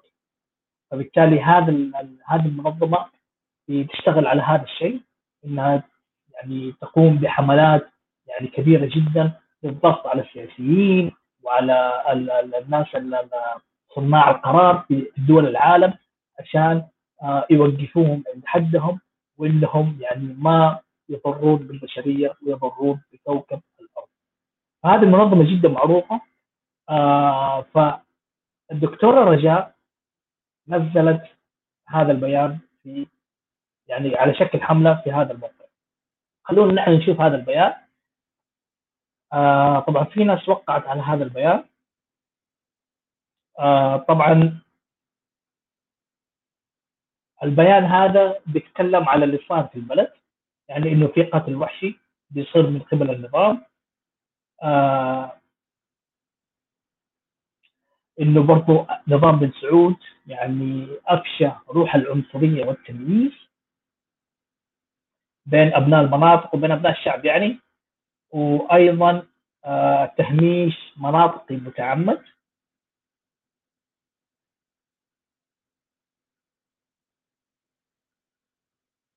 وبرضه قايلين إنه يعني في البيان هذا إنه السياسة اللي بيتبعها محمد بن سلمان والملك سلمان يعني هي نفس السياسة اللي كان بيتبعها آه، حكام نظام بن سعود السابق زي الملك فهد، عبد الله، عزوز، آه سعود اللي صار الانقلاب عليه، وفيصل اللي تم اغتياله، وخالد اللي يعني كان يعني عصره يقال إنه كان أفضل العصور اللي يعني الشعب يعني اتنغنغ فيه.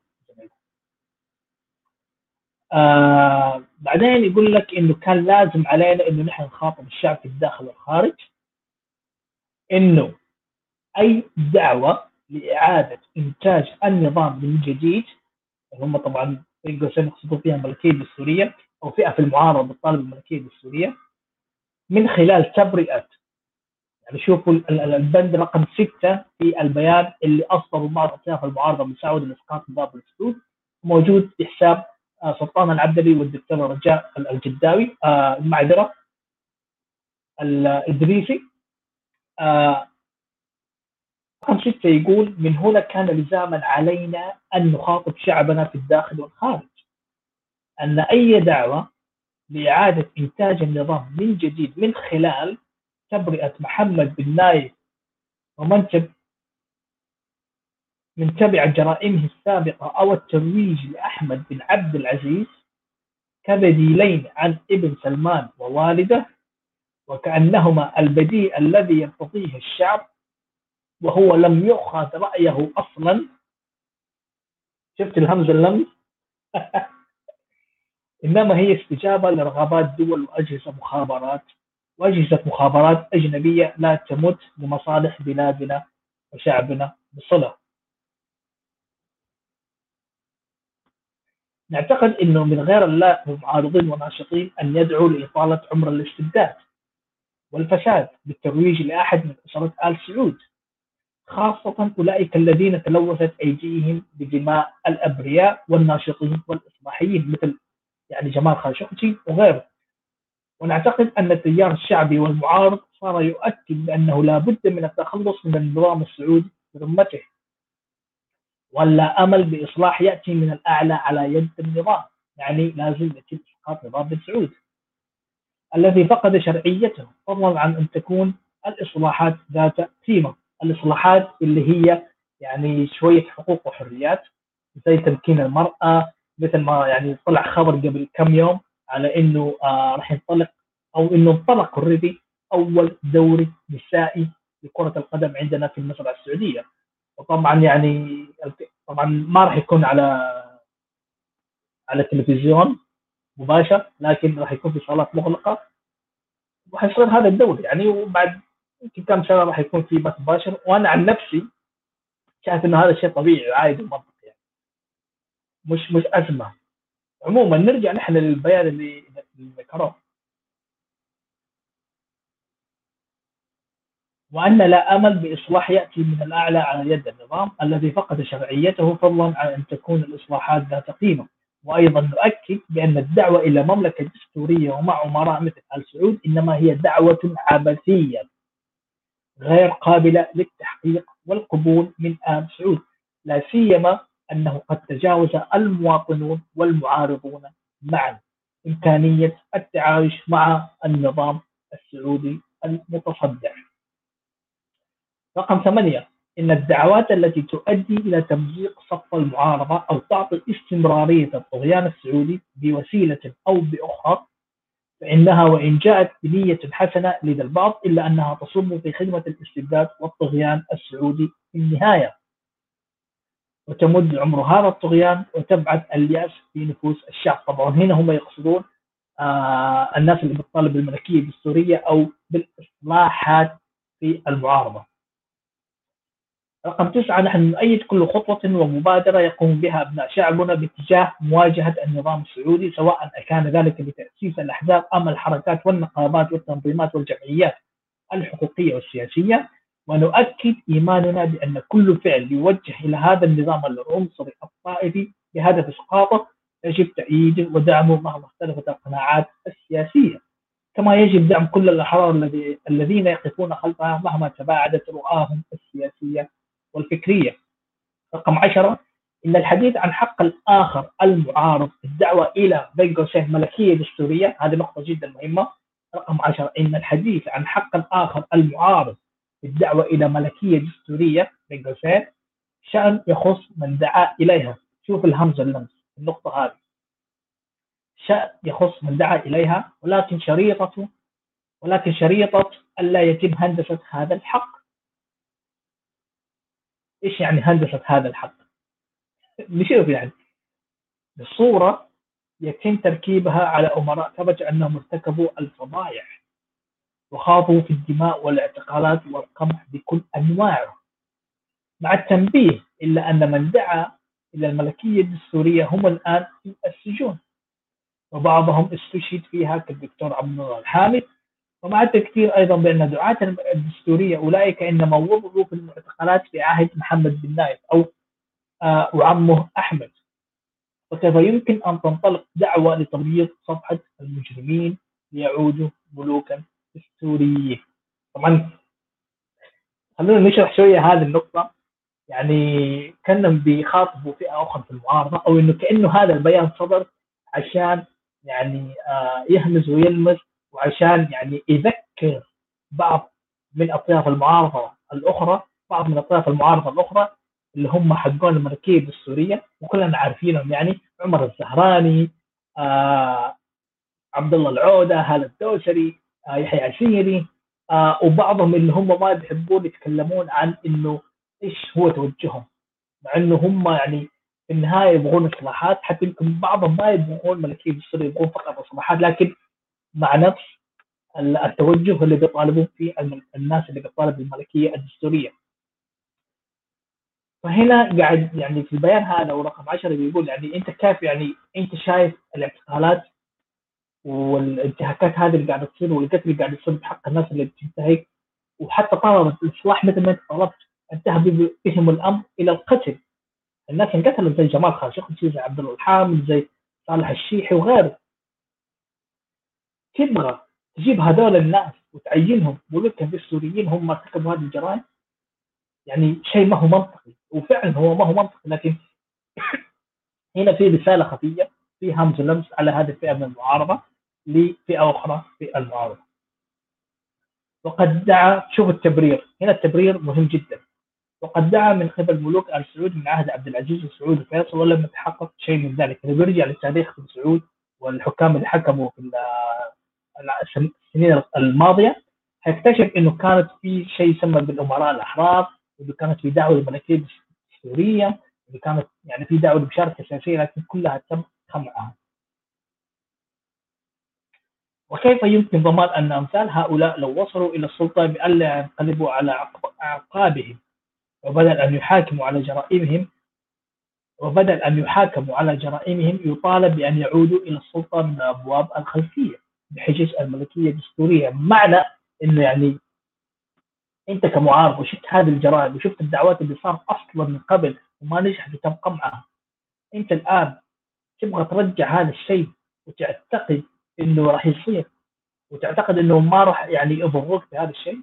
ف يعني يعني ما هو منطقي انه إنه يكون في ملكية دستورية بالوضع اللي إحنا عايشينه الآن مع نظام بن سعود هذا بحد ذاته يخليك إنه صعب جدا انه إنه يكون في ملكيه دستورية.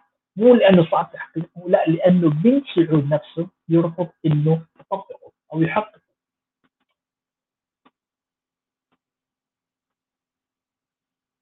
طيب بحاول يعني أقول أكمل البيان. رقم 12 هذا مهم جدا. يقول لك نحن الموقعون من خلال المسؤولية الملقاه على عواتقنا نرى أنه من اللازم علينا أن نبين لشعبنا إذا هو محط اماله ومنبع قوتنا وهدف كل انشطتنا بأننا ملتزمون باحترام التنوع في المعارضه السياسية وفي مرجعياتها المختلفه لكننا لا نقبل مشاريع تأتي من دول أو اتجاهات تريد حرف تريد حرف مسار المعارضة بشكل عام لخدمة مصالح تلك الدول. بمعنى إنه بيقولوا الناس اللي وقعت على هذا البيان طبعا هذا أنا في الموقع وقاعد أقرأ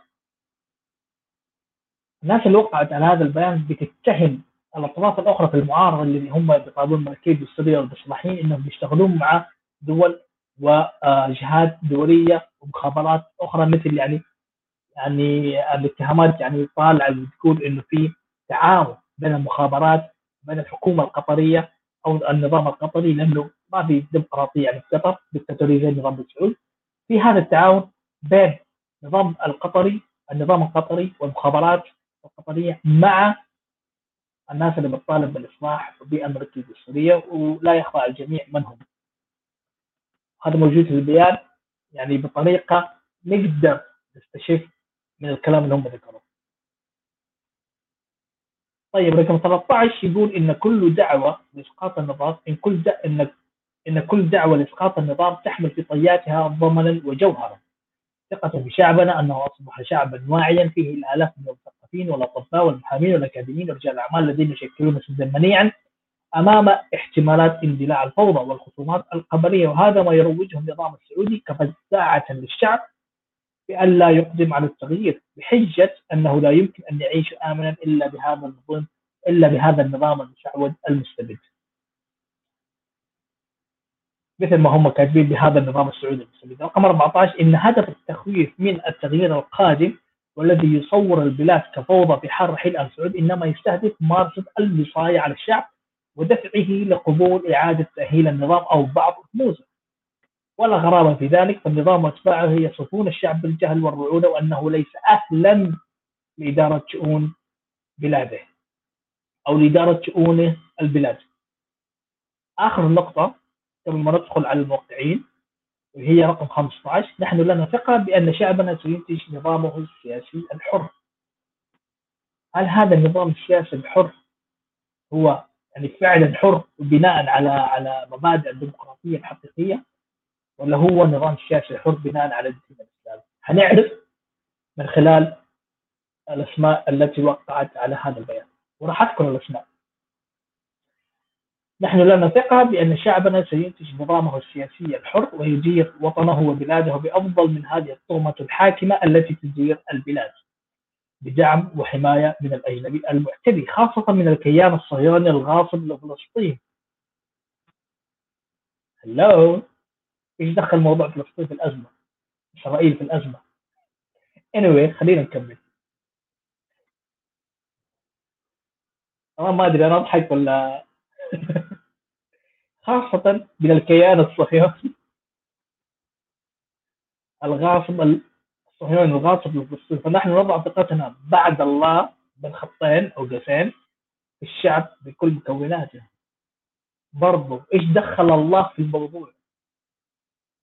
يعني معلش بليز يعني أنا أحترم الدين اللي تؤمن فيه لكن إيش دخل الله في الموضوع؟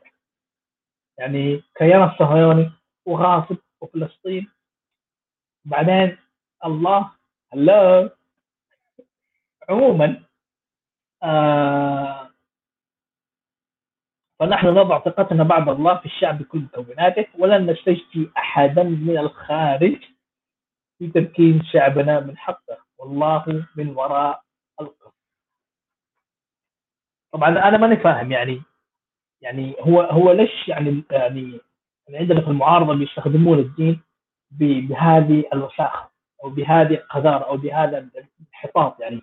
لأنك أنت لما تستخدم الدين يعني في في الشأن السياسي أو بشأن حياة الناس يعني أنت كده بتستهين بالإله اللي أنت بتعبده مع احترامي لهذا الإله اللي أنت بتعبده لكن أنت بتسخر منه وبتحطه في مكان يعني غير لائق.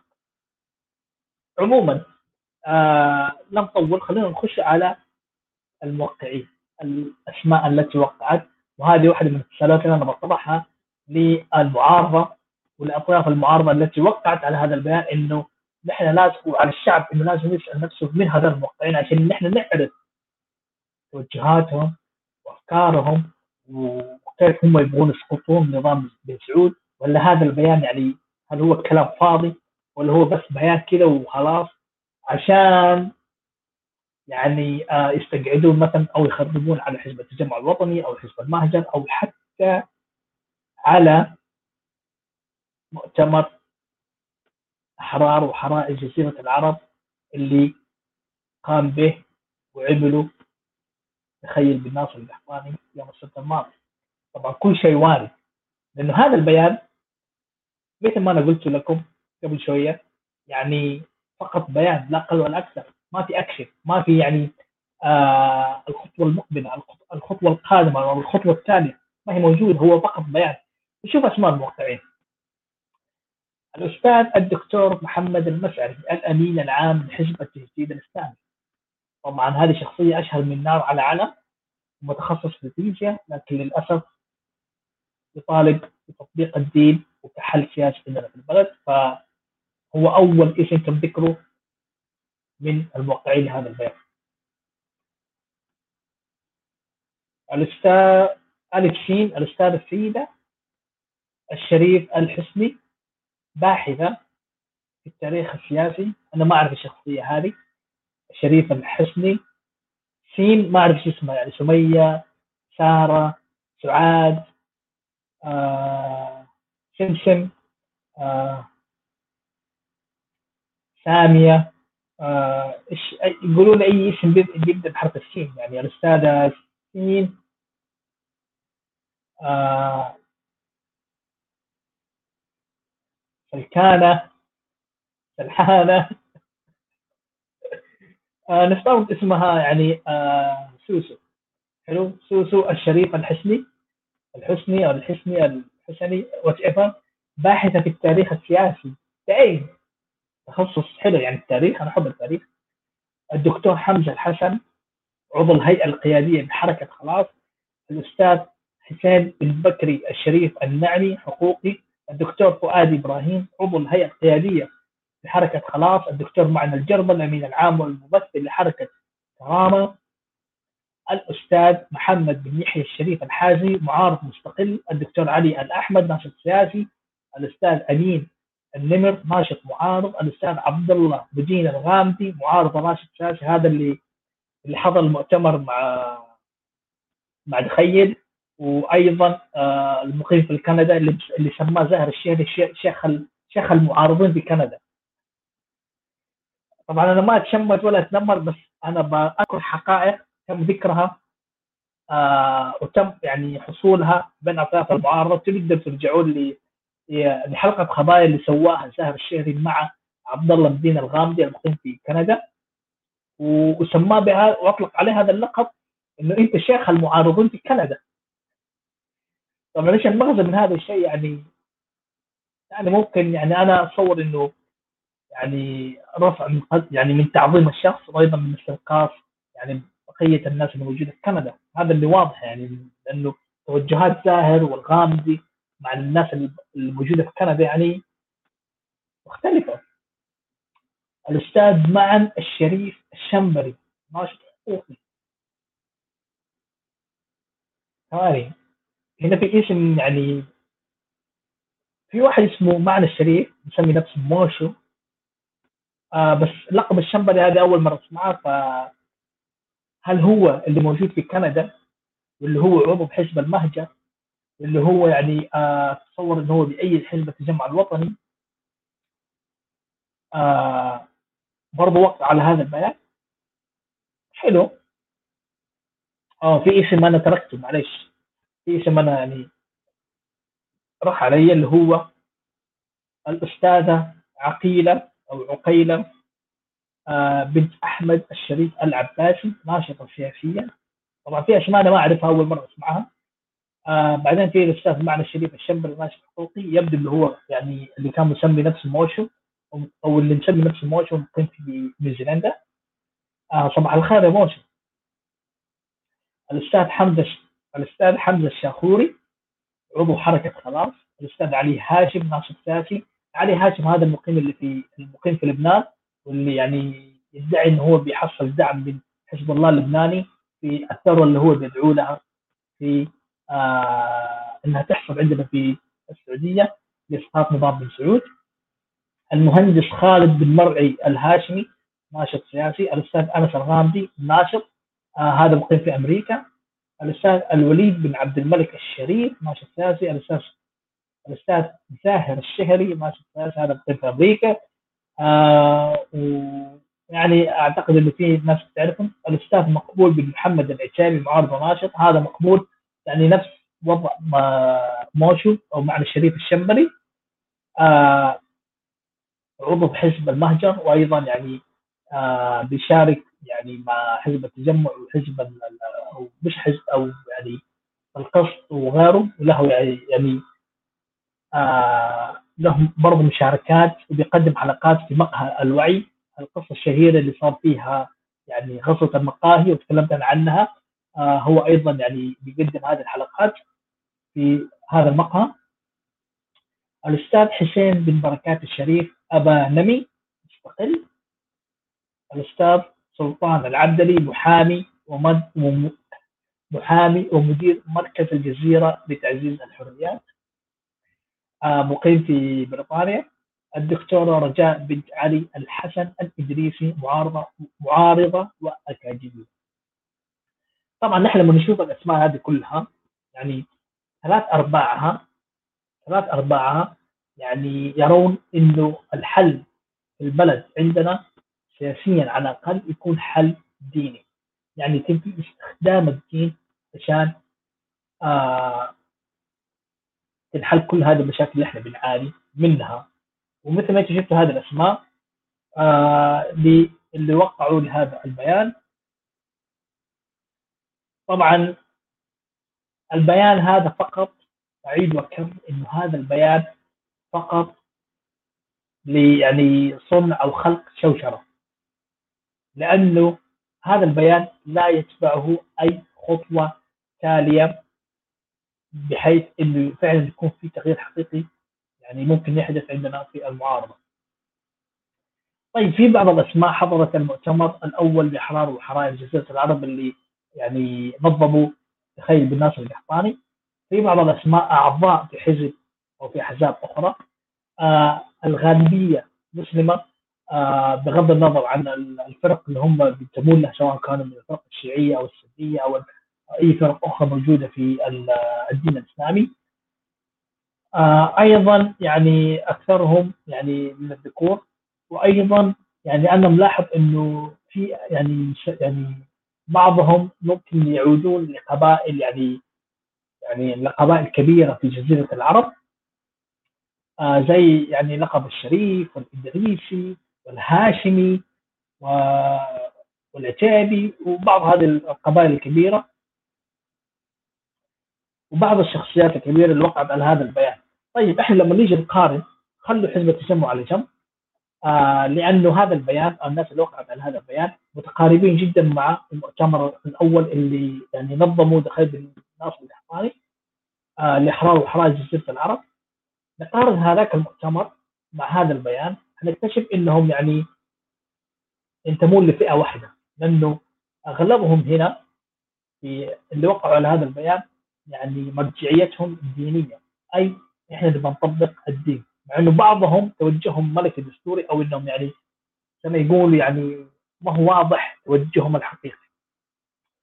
أيضا نلاحظ إنه آه في فئات أخرى في المعارضة من نفس الفئة اللي هي الإسلامية لم توقع على هذا البيان أو ممكن حتى يعني شاركت في المؤتمر حق دخيل اللي هم أنا اقصدهم يعني آه حزب الفقيه الطبيب والناس اللي يعني ماشيين في هذا الفرق طيب هذول الموقعين ومثل ما انت شفتوا هذا هو بيان ال ال ال الأطياف أو بعض اطياف المعارضة اللي أصدرته. أنا عن نفسي تحليل الشخصي هذا البيان يعني بيان إنشائي بحت جدا. لن يقدم ولن يؤخر أبدا يعني في أي شيء. طيب آه هذا اللي صار في ال ال الأيام الماضية أو الأسبوع الماضي في المعارضة المساودة عندنا. طيب أنا راح أطرح سؤال مهم جدا قبل ما أختم اللي هو آه يعني باللي أنا شاركته معاكم واللي صار على الأقل يعني في آخر أسبوع مع إنه صار حدث آخر مع إني تكلمت أنا عنه اللي هو آه الرؤيه الشعبية إنه راح يكون في زي الندوة أو زي الجلسة آه بيحضر فيها بعض الناشطين المساعدين اللي هم بيطالبون بالإصلاح واللي هم يعني آه أعضاء حزب التجمع الوطني وبأيدون أفكار حزب التجمع الوطني وحزب المهجر وبأيدون فكرة الإصلاح أكثر من فكرة إنه تغيير النظام. لأنهم يعني عندهم اعتبارات كثيره في إنه الإصلاح لازم يصير من قبل نظام بن سعود بعدين تغيير نظام بن سعود مع إنه هذا الشيء راح يقوي المنطق راح يقوي نظام بن سعود وراح يخليهم أكثر قمعا وأكثر استبدادا وأكثر يعني وحشية. هذا الشيء راح يصير آه اللي هي الرؤية الشعبية راح تصير الجلسة يوم السبت اللي هو بعد يومين تقريبا ثلاث أيام آه وتم تبنيها أو تم دعمها من قبل منظمة العفو الدولية فرع الخليج وفرع اللغة العربية أو المنطقة العربية. هذا بحد ذاته مشكلة لأنه آه مشكلة من قبل منظمة العفو الدولية أو المجتمع الدولي من نظرتهم ان المعارضة تبغى فقط إصلاح وشاف إنه نظام بن سعود يعني نظام زي الفل. وأيضا مشكلة إنه هذا المجتمع الدولي منظمات حقوق الإنسان بترى إنه هذول الناس يبغون هذا النظام القمعي لكن يبغون إصلاحات وبعد الإصلاحات يصير في إسقاط لهذا النظام أو يعني تحييد أو عزل هذا النظام واستبداله بنظام آه آخر. راح تكون في هذه الرؤية الشعبية وتكلمنا عنها كثير مع أنا وابو تركي في الحلقة الماضية اللي كانت في يحدث الان في السعودية وفي المعارضة المساعده تكلمنا عن هذه الرؤية وعلى إيش هم يبغون يوصلون آه للشعب يبغون يحققونه من خلال حصولهم على هذا الدعم من منظمة العفو الدولية وبعض المنظمات الحقوقية الأخرى والمجتمع الدولي. آه راح يصير هذا البث حقهم يوم السبت تقدر تتابعوه يمكن حيكون مباشر ولايف على حسابهم في تويتر فتقدر تتابعوه وتشوفوه. السؤال المهم الآن اللي هو يعني غير الرؤية الشعبية حقون التجمع الوطني والملكيه الدستورية صار الآن مؤتمر لاحرار وحراج العرب من قبل بخية القحطاني والبيان هذا اللي صدر الآن وأيضا التغييرات أو التكتيكات أو التحركات التي قام بها أو التي قامت بها أو التي قام بها حزب المهجر. المعارضة السعودية أو المعارضة المسعوده إلى أين تتجه؟ يعني في الفترة القادمة.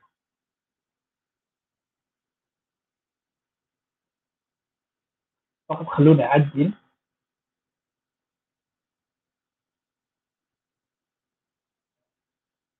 طبعا دلالة هذه الأحداث اللي صارت دلالة هذه الأحداث اللي صارت بيعطي انطباع على إنه إذا استمر هذا الشيء هذا يعني بشكل أو بآخر فيه نوع من الإيجابية يعني فيها إيجابية لأنه آه بدأ يتم فيه تشكيل يعني نوع من التحالفات نوع من التكتلات بين اطياف المعارضة على إنه يكون في عمل مشترك آه، أكثر من إنه يكون في يعني عمل جماعي. بمعنى إنه يكون في عمل جماعي معناته آه نعطي مثال عليه اللي هو حزب التجمع الوطني بيحاول يجمع المعارضة هو حزب المهجر وبالتالي يشتغلون لتحقيق أهداف حزب المهجر أو حزب التجمع الوطني اللي هو في النهاية يا ملكية دستوريه أو خلق مسار ديمقراطي للبلد. جمع كل المعارضة بغض النظر عن يعني اطيافهم أو يعني معتقداتهم وخلفياتهم وتوجهاتهم وافكارهم تجمعهم في مكان واحد وتقول لهم يلا هذا الحزب أو هذا الحركة وال يعني الناس اللي ماسكين هذا الحزب يبغون يحققون هذا الشيء كلهم هذول يشتغلون تحت هذا الشيء معنى إنه ما حيكونوا مستقلين بأفكارهم بآرائهم بتوجهاتهم ومن هذا القبيل وما حيكون عندهم الوقت اللازم أو الكافي عشان يقدروا يروجوا للناس أو ينشروا للناس أفكارهم آه، ومعتقداتهم واستقلالهم ورؤاهم ورأيهم عن آه، اللي يبغون يحدثونه مستقبلا للبلد. فيكون هذا العمل الجماعي مثل ما ذكرت يعني وهو مثاله أقرب لحزب التجمع الوطني والحزب المهني. العمل المشترك اللي هي التحالفات اللي قاعدة تصير الآن مثل ما هو صار الآن في البيان اللي صدر مع إنه أنا شايف إنه بيان جدا تافه يعني مش تافه بقدر من هو بيان إنشائي لا أقل ولا أكثر وأيضا المؤتمر اللي قام به خالد بن ناصر القحطاني انه يكون في يعني تحالفات من بعض الناشطين والمعارضين لتحقيق هدف مشترك آه هو يعني يعني لازم يتم العمل عليه مع احترام آرائك وأفكارك وتوجهاتك. لكن المشكلة في العمل المشترك أو في التحالفات هذا اللي صايرة لأنه الآن المعارضة فيها يعني تجميع معارضة وشباب من المعارضة. مكان واحد يشتغلون على شيء واحد وأيضا في يعني تعاون مشترك بين أطراف أخرى في المعارضة عشان يحققون هدف معين. هذا الآن صاير الآن يعني عندنا في المعارضة لكن المشكلة في كلا في كلا الفئتين إنهم يعني يبغون يعني لازم أنت تكون مسلم لازم أنت تؤمن بالدين الإسلامي مع إنه حقون التجمع الوطني وحزب المهجر والناس اللي بتطالب بالإصلاح والملكية الدستورية يعني ممكن عندهم هذا النوع من الرأفة والقبول والتعاطف مع الناس اللي ما بتؤمن بالدين الإسلامي لأنهم هم برضو بيظلون آه، مشاركة المرأة وما يتكلمون عن يعني عن إيش توجهها وإيش دينها وعن آه هل تظهر في لبس كامل ولا لا. يتغاضون على هذه الأشياء وبالتالي يكون في هذا النوع من القبول. لكن في النهاية حقون التجمع الوطني والمهجر والملكيه الدستوريه والإصلاح وأيضا الإسلاميين كلهم يعني آه ما بيحاولوا يظهروا الناس يظهر للناس الأسماء اللي يعني واضحة مع الشعب إنها يعني خصوصا إنها ما تؤمن بالدين الإسلامي. يعني ما في هذا القبول الحقيقي. يعني ممكن يقبلون حقوق التجمع الوطني ممكن يقبلون آه ناس لا تؤمن بالأديان بس ما يكونون على على السطح. ما يكونون على السطح الفئة المقابلة لا ما تقبلك أصلا خرشة يعني لازم تتوب ولازم يعني آه يعني تسلم مرة ثانية ولازم تكون مسلم بحث عشان يتم قبولك ويتم يعني اعتمادك على إنك أنت أحد المعارضة ويعني تلعب دور في هذا التغيير اللي هو يعني اسقاط نظام. فهذه المشكلة اللي صارت في المعارضة بشكل عام، لكن الاتجاه اللي تتجه للمعارضة الآن يعني هذا الاتجاه. اتجاه اللي بيحاول يجمع الناس ويشغلهم على تحقيق هدف معين بعض اللي موجودين فيه يبغون يحققونه اللي هم يعني اللي أسس حزب التجمع الوطني وحزب المهجر والناس المؤثرة يعني في هذاك المكان. وفي الطرف المقابل إنه يكون في شغل من الجميع وإنه اللي يعني آه الكل يشارك في هذا الشغل. ما في أحد أكبر من الثاني أو واحد أعلى أو أقصر أو أصغر من الثاني. الكل سواسيه لكن مشكلتهم تتعلق إنه أنت لازم تكون مسلم بغض النظر عن إنك أنت سني ولا شيعي ولا غيره لكن لازم تكون مسلم. وهذه الفئة تبغى تسقط النظام. هذا الشيء اللي قاعد يصير شيء إيجابي. وهذا راح إذا استمر بهذه الطريقة بعد سنة سنتين المفترض إنه أداء المعارضة الشغل اللي بتسويه المعارضة الآن مفترض إنه يتحسن ويتطور بشكل ملحوظ ويكون أفضل من اللي إحنا عايشينه الآن. لأن الوضع الآن اللي صاير الآن أفضل بكثير لما كان عليه قبل سنتين. أفضل بكثير لما كان يعني خلال 10 20 30 سنة ماضية.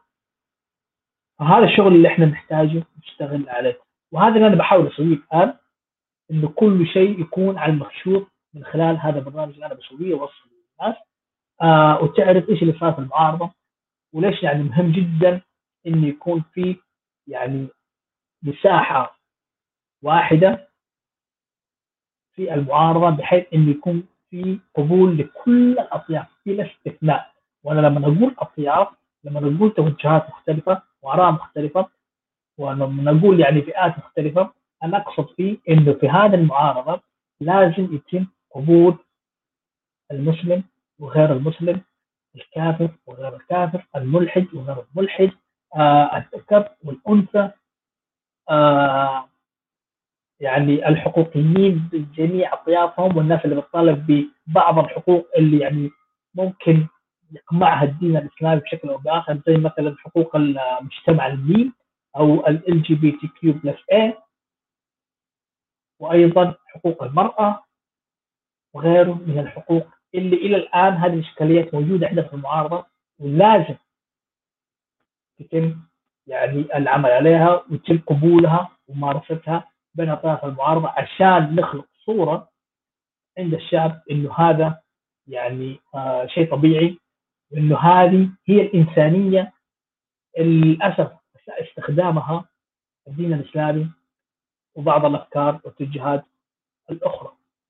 نقصد بها الأفكار السياسية والافكار ال ال يعني الافكار والاتجاهات الأخرى سواء كانت سياسية أو غيرها.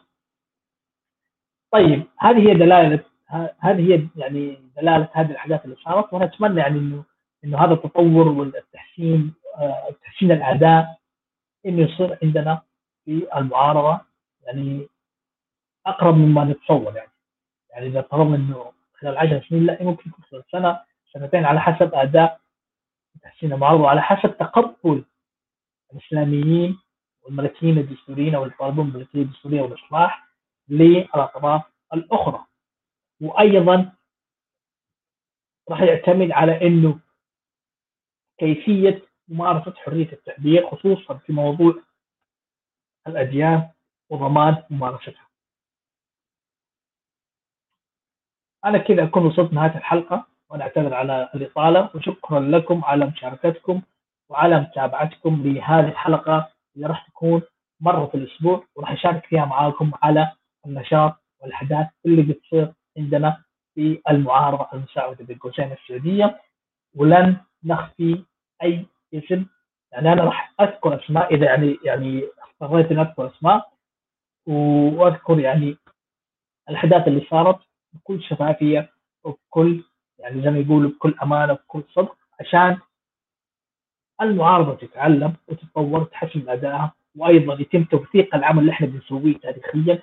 فبالتالي الأجيال القادمة تعرف إنه هذا هو العمل اللي إحنا كنا نسويه وهذا هو الأداء وهذه هي الطريقة اللي كنا بنأدي فيها آه أنشطتنا ويعني آه ويعني تضحيتنا لصنع التغيير عندنا في البلد. في هذه الفترة اللي هي 2020 19 18 21 والسنين هذه. وأيضا انه يكون يعني في حواجز كثيرة في المعارضة تم كسرها فبالتالي ينعكس هذا الشيء على الشعب إنه يتقبل هذه الحواجز التي تم كسرها وأهم حاجز اللي هو حاجز حق الإنسان في التعبير عن رأيه في كل المواضيع خصوصا في مواضيع الأديان. أو التي تتعلق في الاديان وأنا هنا أقصد بالتحديد لأنه أغلب الشعب عندنا مسلم ويؤمن بالدين الإسلامي اللي هو حق الإنسان في التعبير عن رأيه في الدين الإسلامي. مثل ما أنا بسويه وراح أشتغل عليه أكثر عشان اكسر هذا الحاجز وأخلي الناس تعبر عن رأيها بكل أريحية في أي موضوع يتعلق بالدين. طبعا أكيد بدون إساءة وبدون شخصنة وبدون يعني سب وشتم وإنها تحس يعني المعارضة وأيضا الشعب إنهم لما يعبرون عن رأيهم في مواضيع الانتهاك ما راح يواجهون أي قمع أو انتهاكات أو تهديدات أو يعني حتى للأسف قتل بل أيضا يكون في قبول آه وأخذ وعطاء ورد لهذه الأسئلة ولهذه المواضيع اللي تطرح في مواضيع أو التي تطرح في آه آه يعني تتعلق بالأديان. هذا الحاجز لو تم كسره راح نقدر نصنع التغيير الحقيقي اللي إحنا نتمنى نشوفه عندنا في البلد. وشايفين يعني خصوصا اللي في الخارج بتشوفوا في أستراليا في أمريكا في كندا في أوروبا في نيوزيلندا في كل هذه الدول الحرة. هذا الشيء يعني راح يصير إذا تم يعني آه كسب هذا الحاجز والتغيير الحقيقي راح يكون في الوضع السياسي والحقوقي وفي يعني مجالات أخرى يعني بيعاني منها الشعب عندنا في البلد وأيضا في المعارضة طيب أكون أنا كذا وصلت لنهايه الحلقة. شكرا لكم على متابعتكم وعلى مشاهدتكم وعلى يعني يعني آه تعليقاتكم واسئلتكم آه هذه كانت حلقة من حلقات آه احد ثقافه المعارضة المسعودة للمؤسسه السعودية. وأيضا أشكر المستمعين الكرام اللي بيستمعون لنا آه عن طريق منصات البودكاست مثل SoundCloud و Spotify و Anchor و Apple Podcast وغيره شكرا لكم. واتمنى لكم ليلة سعيدة وأحلام وردية وحريه يعني نتمناها يعني تتحقق قريب جدا عندنا في البلد. شكرا لكم. تصبحون على